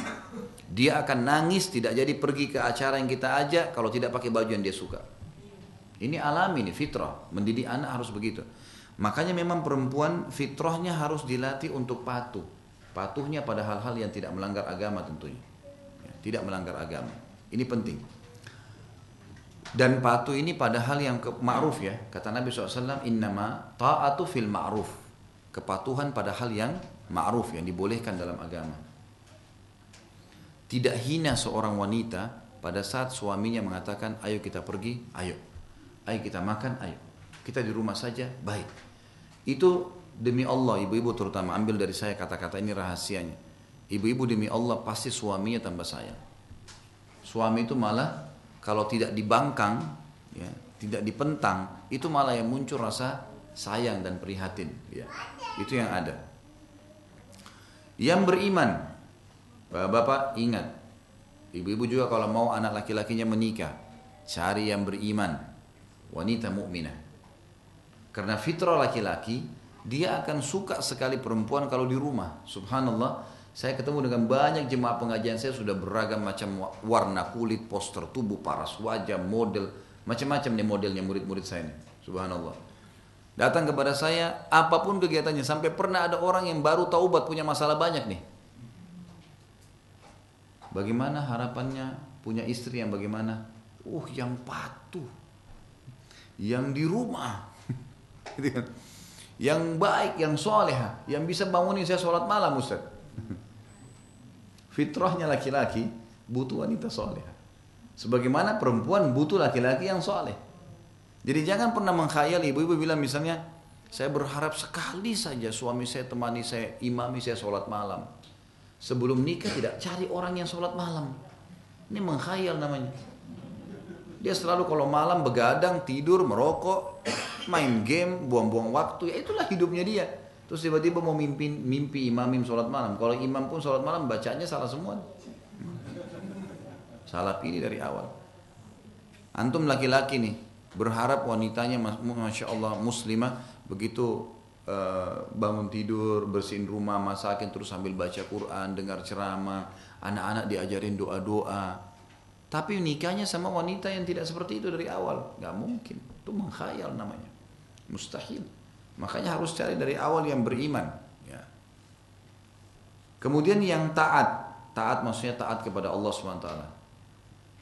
Kemudian dikatakan muslimatin, mukminatin, qanitat. Sebenarnya qanitat ini lebih tepat terjemahannya bukan taat ya. Qanit itu orang yang lama ruku dan sujudnya. Itu bahasa langsungnya. Bahasa khususnya. Bahasa globalnya Qanit itu adalah orang yang patuh beribadah. Patuh beribadah itu lebih tepat. Kalau taat saja kurang jelas. Makanya kalau dikatakan qanit berarti laki-laki yang lama ruku dan sujud, selalu patuh. Qanitah artinya wanita yang lama ruku dan wanita yang lama sujud. Yang bertaubat, taibat, selalu segera kembali ke jalan Allah kalau salah. Ini ciri pasangan yang baik. Kemudian abidat yang selalu mengerjakan ibadah-ibadah, saihat yang selalu berpuasa di siang hari. Thayyibah, thayyibatin wa abkara, janda ataupun perawan. Nah, ini juga berarti menyebutkan tentang tidak masalahnya seseorang menikah dengan janda. Itu bukan aib, ya, itu bukan aib. Terakhir kita tutup dengan surah Al-Ahzab ayat 35 bunyinya a'udzubillahi minasyaitonirrajim innal muslimina wal muslimati wal mu'minina wal mu'minati wal qanitina wal qanitati was sadiqina was sadiqati والصابرين والصابرات والخاشئين والخاشعات والمتصدقين والمتصدقات والصائمين والصائمات والصائمين والصائمين والصائمات والحافظين فروجهم والحافظات والذاكرين الله كثيرا والذاكرات أعد الله لهن مغفرة وأجرا عظيما Ini ciri-ciri pasangan ideal laki-laki dan perempuan. Kata Allah SWT sesungguhnya laki-laki dan perempuan yang muslim. Ini nomor satu. Muslim. Jangan pernah nikah sama non muslim. Laki-laki dan perempuan yang mukmin lebih bagus lagi kalau mukmin. Perbedaannya muslim sama mukmin? Muslim itu baru mengerjakan lima rukun Islam saja Sholat, Allahu Akbar. Allah ada nggak ya? Malaikat catat nggak ya amalnya? Ini saya terima nggak hari kiamat? Surga itu ada nggak ya? Ini masih muslim, belum mukmin. Mukmin itu Allahu Akbar, Allah ada. Ini benar diperintahkan dalam Al-Quran. Ini benar dicontohkan Nabi SAW. Ini benar membawa saya masuk ke dalam surga. Mukmin, yakin betul. Itu namanya. Muslim minimal. Lebih tinggi mukmin laki-laki dan perempuan yang tetap dalam ketaatan istiqamah ini kan jadi memang cari pasangan yang hadir pengajian itu rutin ada orang subhanallah kapan sempat lain dengan orang yang memang jadwalin tuh setiap minggu di mana jadwal ini atau setiap hari jadwal di mana dia coba hadir ini orang-orang yang istiqomah nih Kemudian laki-laki dan perempuan yang benar Sebenarnya di sini bukan masalah benar ya. Benar ini e, sebenarnya jujur maksudnya. Jadi benar itu dicoret, diganti jujur. Ya. Dan kita tahu jujur ini ciri khasnya orang mukmin. Kalau dia sudah sering hadir di pengajian dan faham, dia akan jujur. Karena kata Nabi SAW, kulil haq walau kana mur. Ucapkan kebenaran walaupun pahit. Dan kata Nabi SAW, lazimi kejujuran walaupun depan mata kalian kehancuran dan hindari kedustaan walaupun depan mata kalian keberhasilan. Tidak ada dalam Islam bohong. Yang ada kejujuran. Jujur itu akan melapangkan dada pemiliknya. Menyelesaikan masalah pada saat itu. Kita salah nih. Langsung kita bilang, iya saya salah. Perbaikin. Jujur apa adanya. Udah selesai clear. Memang tidak enak tapi selesai. Tapi kalau dusta terlindungi saat itu tapi jangka panjang masalah terus. Cirinya jujur. Kemudian laki-laki dan perempuan yang sabar. Sabar ini dalam arti kata menerima takdir Allah dan ikhtiar, cari jalan keluar itu sabar. Kemudian laki-laki dan perempuan yang khusyuk kalau ibadah khusyuk. Laki-laki dan perempuan yang suka bersedekah memberi orang lain. Laki-laki dan perempuan yang rajin berpuasa. Laki-laki dan perempuan yang memelihara kehormatannya, maksudnya kemaluannya, nggak sembarangan disentuh sama orang. Ya. Ini saya pernah ingatkan ibu-ibu hati-hati, banyak perempuan salah paham. Dia suka laki-laki itu, Kemudian dia pikir kalau dia gampang disentuh, berarti laki-laki itu akan nikah sama dia. Ini salah. Semua perempuan yang gampang disentuh oleh laki-laki pasti, kalaupun sudah nikah dianggap remeh sama suaminya. Tidak ada perempuan yang jaga hormatannya, tidak mau sembarangan disentuh. Mau sentuh saya silakan, tapi nikah. Kalau enggak enggak. Kan jelas. Kalau enggak mau ya enggak usah. Kecuali pasti selama menikah pun akan dihormati oleh suaminya. Laki-laki dan perempuan yang banyak menyebut nama Allah, berzikir.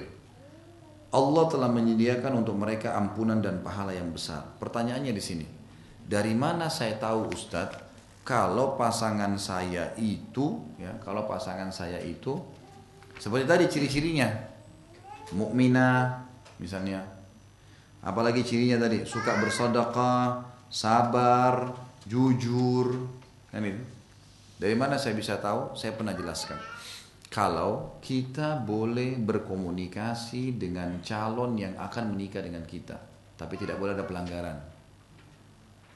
Misal bertanya, kamu pada saat weekend, liburan, minggu, malam minggu, maaf, afwan, kegiatannya apa? Oh saya kalau weekend ke karaoke, hmm? Saya kalau hari Jumat itu udah keluar kota sama teman-teman saya, hilangin penat kerja. Ngapain di sana? Ya ke diskotik, ke karaoke, nanti minggu balik lagi, gitu kan. Boleh kita tanya, Afwan, merokok nggak? Boleh kita tanya. Ya. Boleh kita datangkan contoh kasus. Maaf, pada saat terjadi sebuah masalah. Masalah itu misalnya seperti ini. Ya, gitu. Bagaimana kamu menanggapinya? Misal, kalau saya menikah nanti, saya menjadi suami atau saya menjadi istri. Kemudian terjadi kasus ada sesuatu yang kamu tidak senang dan sempat saya melanggar. Bagaimana kamu memecahkan permasalahannya? Boleh kita bertanya. Mungkin dia mengatakan, ya sudah saya nasihatin. Oh kalau memang itu pelanggarannya terjadi, saya sudah ingatkan, maka saya akan marah. Saya akan ceraikan, saya akan begini dan akan begitu. Banyak hal yang bisa disebutkan, kita tahu gitu. Kemudian juga tentang masalah puasa, ya, menjaga khusyuk dalam sholat, menjaga kehormatan kemaluan. Ini boleh orang bertanya, apa memang kalau sholat gimana ya? Hadir nggak di masjid? Ya. Kemudian Bagaimana tanggapan kamu tentang orang yang berpacaran? Boleh nggak secara umum? Kalau kita tanya apa kau pernah pacaran mungkin orang bisa dusta. Tapi bagaimana tanggapan kamu tentang pacaran dalam Islam? Menurut kamu nih pribadi, boleh nggak pacaran itu? Dengarkan tanggapannya, kita bisa tahu. Ya menurut saya sih boleh-boleh saja karena supaya bisa tahu pasangan misal. Kita sudah tahu berarti itu pintunya sudah dia buka, berarti dia membuka pintu itu. Ini sekali lagi cuman pertanyaan yang dibutuhkan hanya untuk memastikan saja. Dan itu sebatas mungkin ditulis tulisan kalau kita sekarang di WhatsApp misalnya. Tidak ada sesuatu pelanggaran agama di situ, tidak ada komunikasi yang bisa mengundang hal-hal yang haram. Karena nggak mungkin orang menikah tanpa komunikasi dulu yang dibolehkan secara syariah. Makanya saya pernah sebutkan ada riwayat beberapa sahabat kalau mereka ingin menikah maka mereka bertanya mereka bertanya, gitu kan? Pernah ada seseorang menikahi istrinya Umar bin Khattab. Waktu Umar bin Khattab meninggal dunia, seorang sahabat menikahi istrinya Umar bin Khattab. Sudah tua istrinya Umar bin Khattab nih. Ternyata waktu ditanya oleh orang-orang lain, kenapa anda menikahi istrinya Umar? Padahal ini jelas-jelas sudah tua gitu. Lebih baik menikah sama wanita lain yang masih muda. Dia bilang karena saya ingin mengetahui rahasia sholat malamnya Umar dari dia. Gitu kan. Jadi ternyata sebelum menikah dia sempat menawarkan diri, menjelaskan kalau dia mau menikah, perempuan itu juga meresponnya, kemudian terjadilah pernikahan. Tapi ada yang dia tidak bisa tanya, yang memang jadi target dia. Dia ingin mengetahui tentang sholat malam Umar bin Khattab, tapi komunikasi sebelumnya sudah ada. Ini sekali lagi bukan saya menghalalkan komunikasi terbuka begitu saja, bukan. Tetapi perlu kita ketahui bahwasanya komunikasi yang secara syar'i nggak ada sesuatu pelanggaran di situ. Terlebih lagi kalau memang kita bisa e, termediasi, ya. seperti misalnya seorang laki-laki mendatangi rumah wanita tersebut dan ada mahramnya, ada ayahnya terutama walinya, kemudian dia menanyakan banyak hal di depan mahramnya. Bagaimana kalau seperti ini, bagaimana kalau seperti ini, bagaimana kalau seperti ini, dan ini tidak perlu berlangsung lama. Dalam Islam saya sudah katakan tidak perlu berlangsung lama. Jawaban-jawaban yang disampaikan sudah cukup menjadi pegangan buat kita. Saya akan baca pertanyaan. Ustadz orang tua orang tua saya melarang anak-anaknya menikah sampai umur 26 tahun ke atas, tapi boleh pacaran. Sedang saya ingin menikah muda, bagaimana Ustadz? Berikan penjelasan ke orang tua. Ini banyak penyakit, subhanallah, di tengah-tengah masyarakat kita nih jadi dia tidak malu, orang tua ini tidak malu kalau anaknya gonta-ganti pacar. Tetangga lihat tuh. Sebentar bulan lalu yang datang laki-laki pakai mobil merah. Dua bulan lagi mobil biru. Wajahnya sudah beda. Bulan lalu datang kulitnya putih, sekarang kulitnya hitam. Datang enam bulan kemudian datang gemuk, mobilnya hitam, lain dan seterusnya. Tapi nggak malu. Bahkan kalau tanya-tanya ini siapa nih? Oh ini pacar baru anak saya. Gitu. Kan yang kemarin mana? Udah putus. Udah cocok itu. Ini ini. Nggak masalah. Tapi kalau nikah, pasang tenda untuk nikah, aib. Ini aib besar ini. Nikah muda, wah aib tuh. Subhanallah. Ini persepsi yang salah. Dan ini dari awal bahasan kitab kita saya sudah bahas itu. Kalau ini sebenarnya bahasan yang salah yang harus diperbaiki. Baik, bagaimana peran seorang anak? Apa yang harus dilakukan? Yang pertama dia menasihati orang tuanya. Dia sampaikan baik-baik. Kalau hukum syari itu, hukum agama, saya ikut pengajian, tidak ada hubungannya melakukan ibadah dengan prestasi dunia. Kamu sarjana dulu baru nikah. Apa hubungannya sarjana dengan nikah? Nggak ada hubungannya. Nanti mau makanin apa? Loh, kalau nikah ya sehidup semati. Kalau si laki-laki cuma bisa datangin nasi sepiring ini ya makan berdua. Memang sudah begitu resikonya. Makanya perempuan yang nikah juga yang sepadan. Kan gitu. Ya udah biarin dia hidup, biarin dia kerja. Orang setelah menikah akan ada perasaan tanggung jawab. Dia akan kerja tuh si laki-laki istrinya yang sekarang jadi pendampingnya siap untuk berhidup sama-sama dengan dia. Ya? Kalau kita menghubungkan dengan prestasi dunia, banyak orang begitu, orang tua egoisnya, dia sih ada pasangannya bisa lampiaskan biologis, anaknya dia nggak mau pusing. Pokoknya kamu sarjana, sudah sarjana, tunggu dulu nak, kerja dulu. Sudah kerja nih kesian ke Kalimantan, ke mana, ke Sumatera, tugas, dua tahun, pulang. Begitu pulang, mau nikah, ibu mau nikah ayah. Sebentar, beli rumah dulu ini itu sampai umur anaknya 35 tahun, 4, 37 tahun baru nikah. Enggak apa-apa kok anak laki-laki laku. Emang laku, tapi hatinya dia terbakar tuh. Kesian dia. Kebutuhan biologis tuh nggak bisa dibendung. nggak bisa dibendung. Kan gitu. Jadi ini perlu diketahui. Jadi sampaikan apa adanya. Kalau tidak ada hubungannya menikah dengan prestasi dunia. Kalau ditanya lagi kembali oleh orang tuanya, lalu kamu mau kasih makan apa nak? Makan apa yang saya makan ayah Makan apa yang saya makan ibu. Lalu perempuan mana yang mau menikah seperti itu? Asal ibu dan ayah ridhohi saya akan cari. Gitu kan? Saya akan cari. Lalu mulailah coba melalui lembaga-lembaga pendidikan agama. Seperti misalnya di teman-teman murid-murid maaf, teman-teman yang belajar dengan saya, saya tidak katakan murid lah. Teman-teman yang belajar ini sekarang sudah membentuk tuh pendaftaran biro jodohnya. Masing-masing dari ikhwah akhwat memberikan biodata Lalu biodata itu kita tampung semuanya bagi yang ada cocok klop dari biodata itu nanti tim kami yang menyortir gitu kan. Oh ini ternyata ini ah ini menulis kriteria seperti ini. Ukti ini menulis seperti ini. Ini kayaknya cocok nih, diklopin nih secara syar'i. Ini ukti adalah ada ikhwa begini. Ini ah ada ukti begini, kan gitu. Minat nggak? Kalau minat, oke, okay, baik. Ini loh biodatanya. Kita kasih biodatanya. Masalah follow up nanti akan kita pandu untuk memfollow up secara syar'i kepada orang tua si wanita. Ya?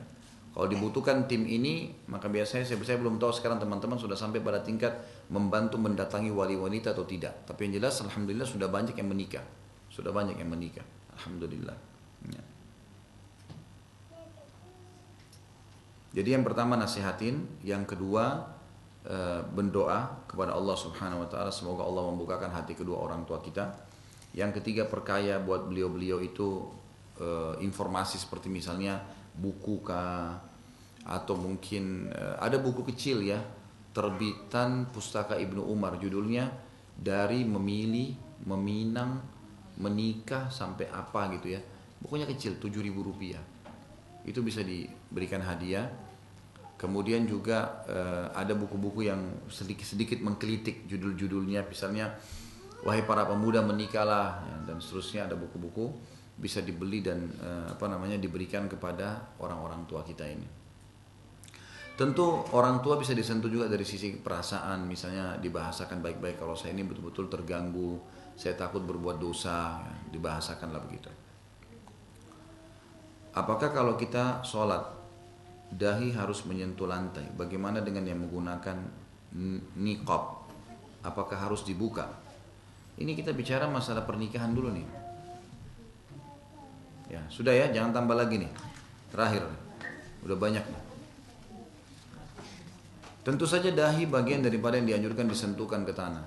Itu sunnah Nabi SAW. Kata beliau dalam hadis sahih, saya diperintahkan sujud dengan tujuh anggota tubuh, dahi sama hidung satu, kemudian dua telapak tangan, dua tiga, dua lutut empat lima dan dua telapak kaki enam tujuh.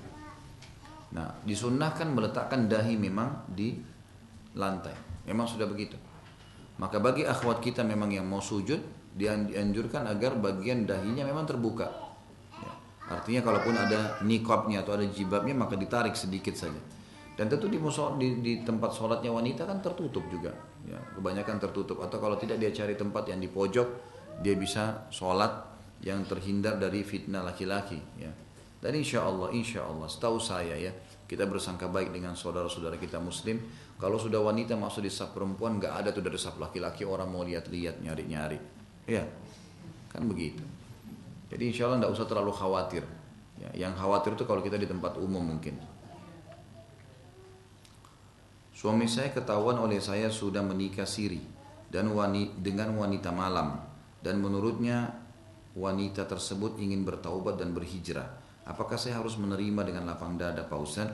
Saya ingin mengikhlaskan Pak Ustaz dengan syarat silahkan kalian hidup dan pulang sebulan sekali saja ke saya sebagai istri pertama Eh, karena agar saya fokus ibadah dan tidak memikirkan hal yang tidak-tidak. Karena saya pikir juga sudah tua dan ingin mencari surga Allah dan agar mereka tahu juga bahwa berumah tangga itu bukan hanya cinta saja tapi akan banyak uh, apa ini uh, biduk dalam rumah tangga itu. Ya. Baik, ini saya bisa tangkap beberapa hal ya. Yang pertama teman-teman sekalian, laki-laki yang mau menikah poligami, ya, saya sarankan jangan pernah sembunyi Jangan sembunyi. Bahasakan baik-baik ke istri.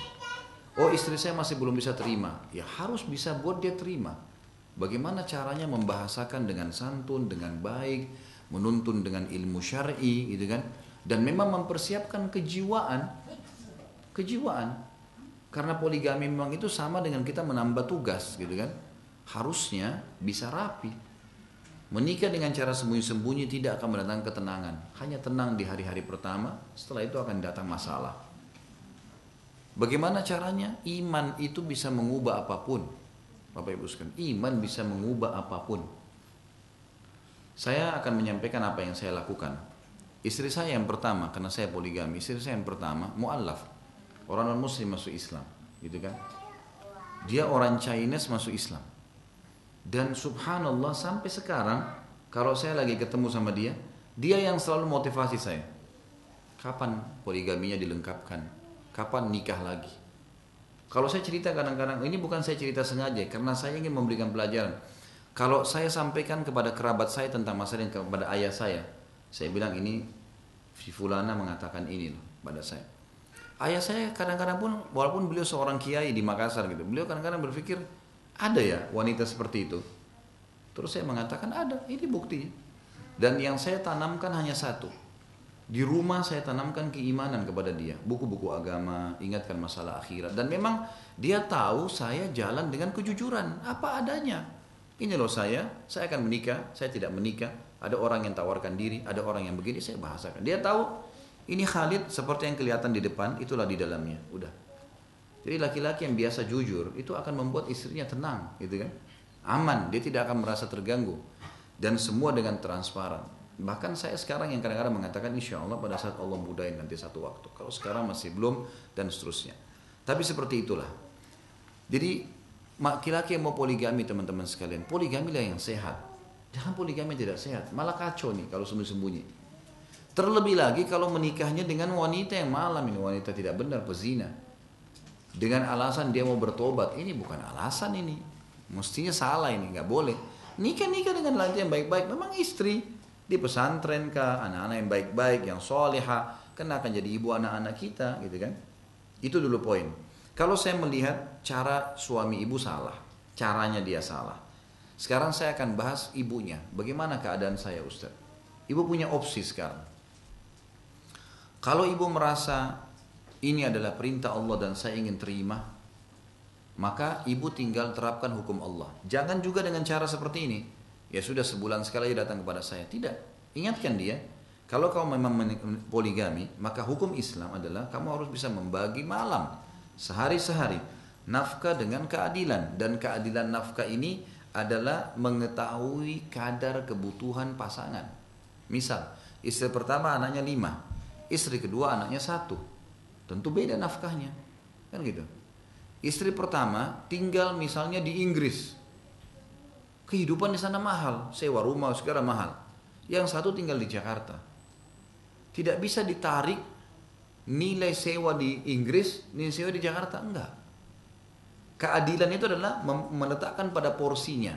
Itu keadilan. Jadi bukan berarti di sana 1000 dolar, di sini harus 1000 dolar. Mau tidak mau di sini rumah biar cuma 100 dolar tetap dikasih 900-nya. Ini bukan pada tempatnya. Saya pernah pastikan kepada beberapa masyayikh mereka mengatakan keadilan justru meletakkan pada tempatnya nih. Karena kalau anak istri pertama punya lima anak dan istri kedua punya anak satu anak, ini dikasih 10 juta, ini juga 10 juta, justru tidak adil. Iya nggak? Karena ini kebutuhan lebih besar, ya gitu. Jadi harusnya seperti itu. Nah, ibu saya sarankan, kalau memang mau menerima hukum Allah SWT ini Alhamdulillah, ibu tinggal menuntun suami untuk menjalankan yang wajib itu. Ini loh, bagian waktu dan nafkahnya seperti ini. Silahkan. Gitu kan. Kalau ibu mau tanazul, ini hukum lain lagi. Saya sebagai istri, saya merasa suami saya nggak apa-apa kalau nggak datang. Malam saya saya hadiahkan kepada madu saya. Itu halal dalam agama. Boleh saja. Itu ada pahala tersendiri. Sebagaimana Ummu Salamah radhiyallahu anha pernah menghadiahkan malamnya kepada Aisyah. Aisyah radhiyallahu anha. Jadi kalau ibu mau menerima sebagaimana saya paham di akhir pertanyaan ini adalah menerima keadaan tersebut, maka seperti saya bahasakan tadi justru pandu suami agar melakukan perintah agama. Bagaimana sikap saya sebagai istri jika suami saya tidak mengizinkan saya untuk mengikuti kajian dan apa apakah perbuatan saya termasuk durhaka kepada suami apabila saya beri kajian tanpa seizin suami? Jawabannya iya nggak boleh bu. Jawabannya nggak boleh kalau suami tidak izinkan, gitu kan? Kecuali memang ya kecuali memang dalam arti dasar eh, dalam arti eh, perilaku suami ibu ini memang orangnya jauh sekali dari agama jauh sekali dari agama dia melarang karena dia benci agama itu nah ini boleh ini nggak apa-apa karena dia dia benci agama dia larang bukan karena ada kebutuhannya tapi kalau dia butuh dilayanin misalnya anak-anak di rumah lagi tidak ada yang urus kemudian dia minta kita lebih dahulukan itu maka ini nggak boleh ibu nggak boleh keluar kecuali dengan izinnya Lalu bagaimana caranya Ustaz supaya saya bisa belajar? Alhamdulillah sekarang media banyak. Ibu bisa dengar radio, ya bisa beli DVD, sampaikan kepada suami kalau emang kamu nggak izinkan saya pergi taklim, tolong saya butuh DVD judulnya ini, judulnya ini, judulnya ini, tolong dibeliin, misal. Ya, seperti itulah. Apabila kita hanya membaca Al-Quran tanpa kita membaca artinya, apakah ibadah tersebut termasuk ibadah sia-sia? Tentu saja tidak. Al-Quran punya empat hak yang pertama membacanya dan menghatamnya. Tanpa mengerti artinya pun boleh. Saya biasa ajarkan di pengajian saya, coba terapkan habis subuh khusus baca Al-Quran. Baca Al-Quran. Baca saja, tapi ini berurut dari Al-Fatihah sampai An-Nas. Habis duhur, beri hak yang kedua, mentadaburinya Tadabbur ini tidak harus berurut. Boleh dari 114 surah, surah mana saja yang menarik buat kita. Misal ibu-ibu suka mau baca surah tentang perempuan, ada surah Maryam, ada surah An-Nisa, Bapak-bapak mau baca tentang laki-laki ada surah Yusuf, ada surah Nuh, ada surah Ibrahim, ada surah Muhammad alaihissalam. Kemudian mungkin ada yang mau baca tentang hewan-hewan, ada Al-Ankabut, ada Al-Fil, ada An-Naml, ada An-Nahl, banyak yang itu. Eh, ini semua bisa. Ini tadaburi dan ini bisa 10-10 ayat saja. Karena para sahabat mengatakan kami setiap kali bertemu di zaman Nabi SAW kami selalu mengatakan marilah kita beriman menambah iman kita dengan 10 ayat Al-Quran. Ya kan? Kemudian yang ketiga menghafalnya. Menghafal juga sama. Kalau Bapak Ibu mau yang sederhana, kalau ikutin saran saya, per hari hafal 10 ayat. Per hari hafal 10 ayat. Ya, Sepuluh ayat ini bebas tidak harus berurut. Surah mana saja yang paling kita sukai. Misal ibu-ibu mau surah Maryam deh. Surah nomor 19 ini saya mau hafal dulu. Baik 10-10 ayat. Kalau 10 ayat per hari, Al-Quran itu memiliki 6.666 ayat. Kalau ibu dan bapak sekalian baca 10, hafal 10 ayat per hari, satu bulan 30 hari berarti kita punya 300 ayat yang kita hafal. Kemudian kalau satu tahun 12 bulan kita punya 3600 ayat. Satu tahun 11 bulan itu sudah hafal 30 juz. Ustaz, nanti saya takut lupa. Semua orang lupa Bapak Ibu sekalian. Imam Masjid Haram itu dari kecil hafal, lupa nggak? Lupa. Tapi tidak mungkin orang hilang semua hafalannya enggak. Paling yang dilupa dua tiga ayat. Oh sambungannya, tinggal itu yang diulangin. Jangan terbawa dengan arus syaitan. Coba dulu, mulai dulu baru nilai. Ya. Yang keempat ngamalkan. Ini haknya Al-Quran. Jadi Bapak Ibu bisa bagi habis subuh baca Al-Quran 10-10 ayat atau misalnya baca berurut setengah lembar habis sholat paling 5-10 menit. Kemudian habis duhur khusus untuk tadabur 10 ayat saja.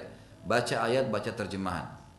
Kalau Bapak Ibu bisa gabungin habis subuh antara baca dengan baca tadaburnya, baca ayatnya itu bagus. Ringkas malah gitu kan. Hafal 10 ayat. Ini juga tidak harus berurut, boleh surah mana saja kita mulai. Yang penting mulai dulu. Meninggal insya Allah dapat pahala hafal 30 juz tuh. Lalu apa yang sudah diketahui amalkan dalam kehidupan kita. Saya pernah membaca satu hadis yang mengatakan akan tertahannya ruh seseorang apabila belum melunasi utang. Mohon penjelasannya. Hadis sahih itu. Riwayat Imam Ahmad kata Nabi SAW, ruh seorang mukmin tergantung antara langit dan bumi kalau utangnya belum terlunasi. Dalam hadis lain dikatakan riwayat Bukhari, seorang mujahid, seorang syahid yang mati syahid terampuni semua kesalahannya kecuali utangnya. Utang memang harus dibayar, makanya hati-hati. Jangan utang kecuali darurat sekali dan kalau utang pun niat membayarnya. Kata Nabi SAW tidak ada seorang pun yang utang lalu dia niat membayarnya kecuali Allah akan mudahkan dia membayarnya. Gitu kan?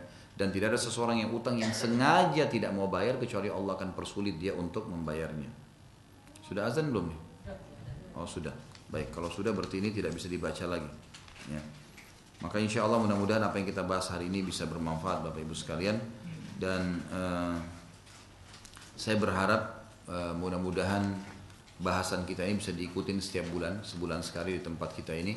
Dan kita terus akan membedah buku ini. Dan insya Allah pun kalau selesai buku ini kita akan masuk ke buku-buku yang lain ya. Untuk pertanyaan saya tidak Bapak Ibu yang belum sempat saya baca nggak usah khawatir saya simpan di buku ini. Bulan depan insya Allah begitu saya selesai menyampaikan tema saya akan fokus baca pertanyaan ini. Saya tidak terima lagi kertas dulu sampai selesai ini insya Allah. Kalau ada yang darurat sekali bisa telepon ke saya nanti ambil dari teman-teman panitia. Kalau mau komunikasi atau konsultasi bisa telepon saja langsung.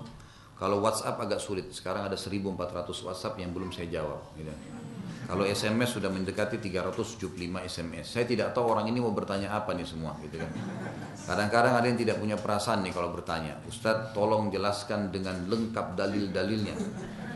Ini saya mau ketik berapa jam nih, gitu kan. Ini boleh atau tidak Ustaz? Itu namanya konsultasi.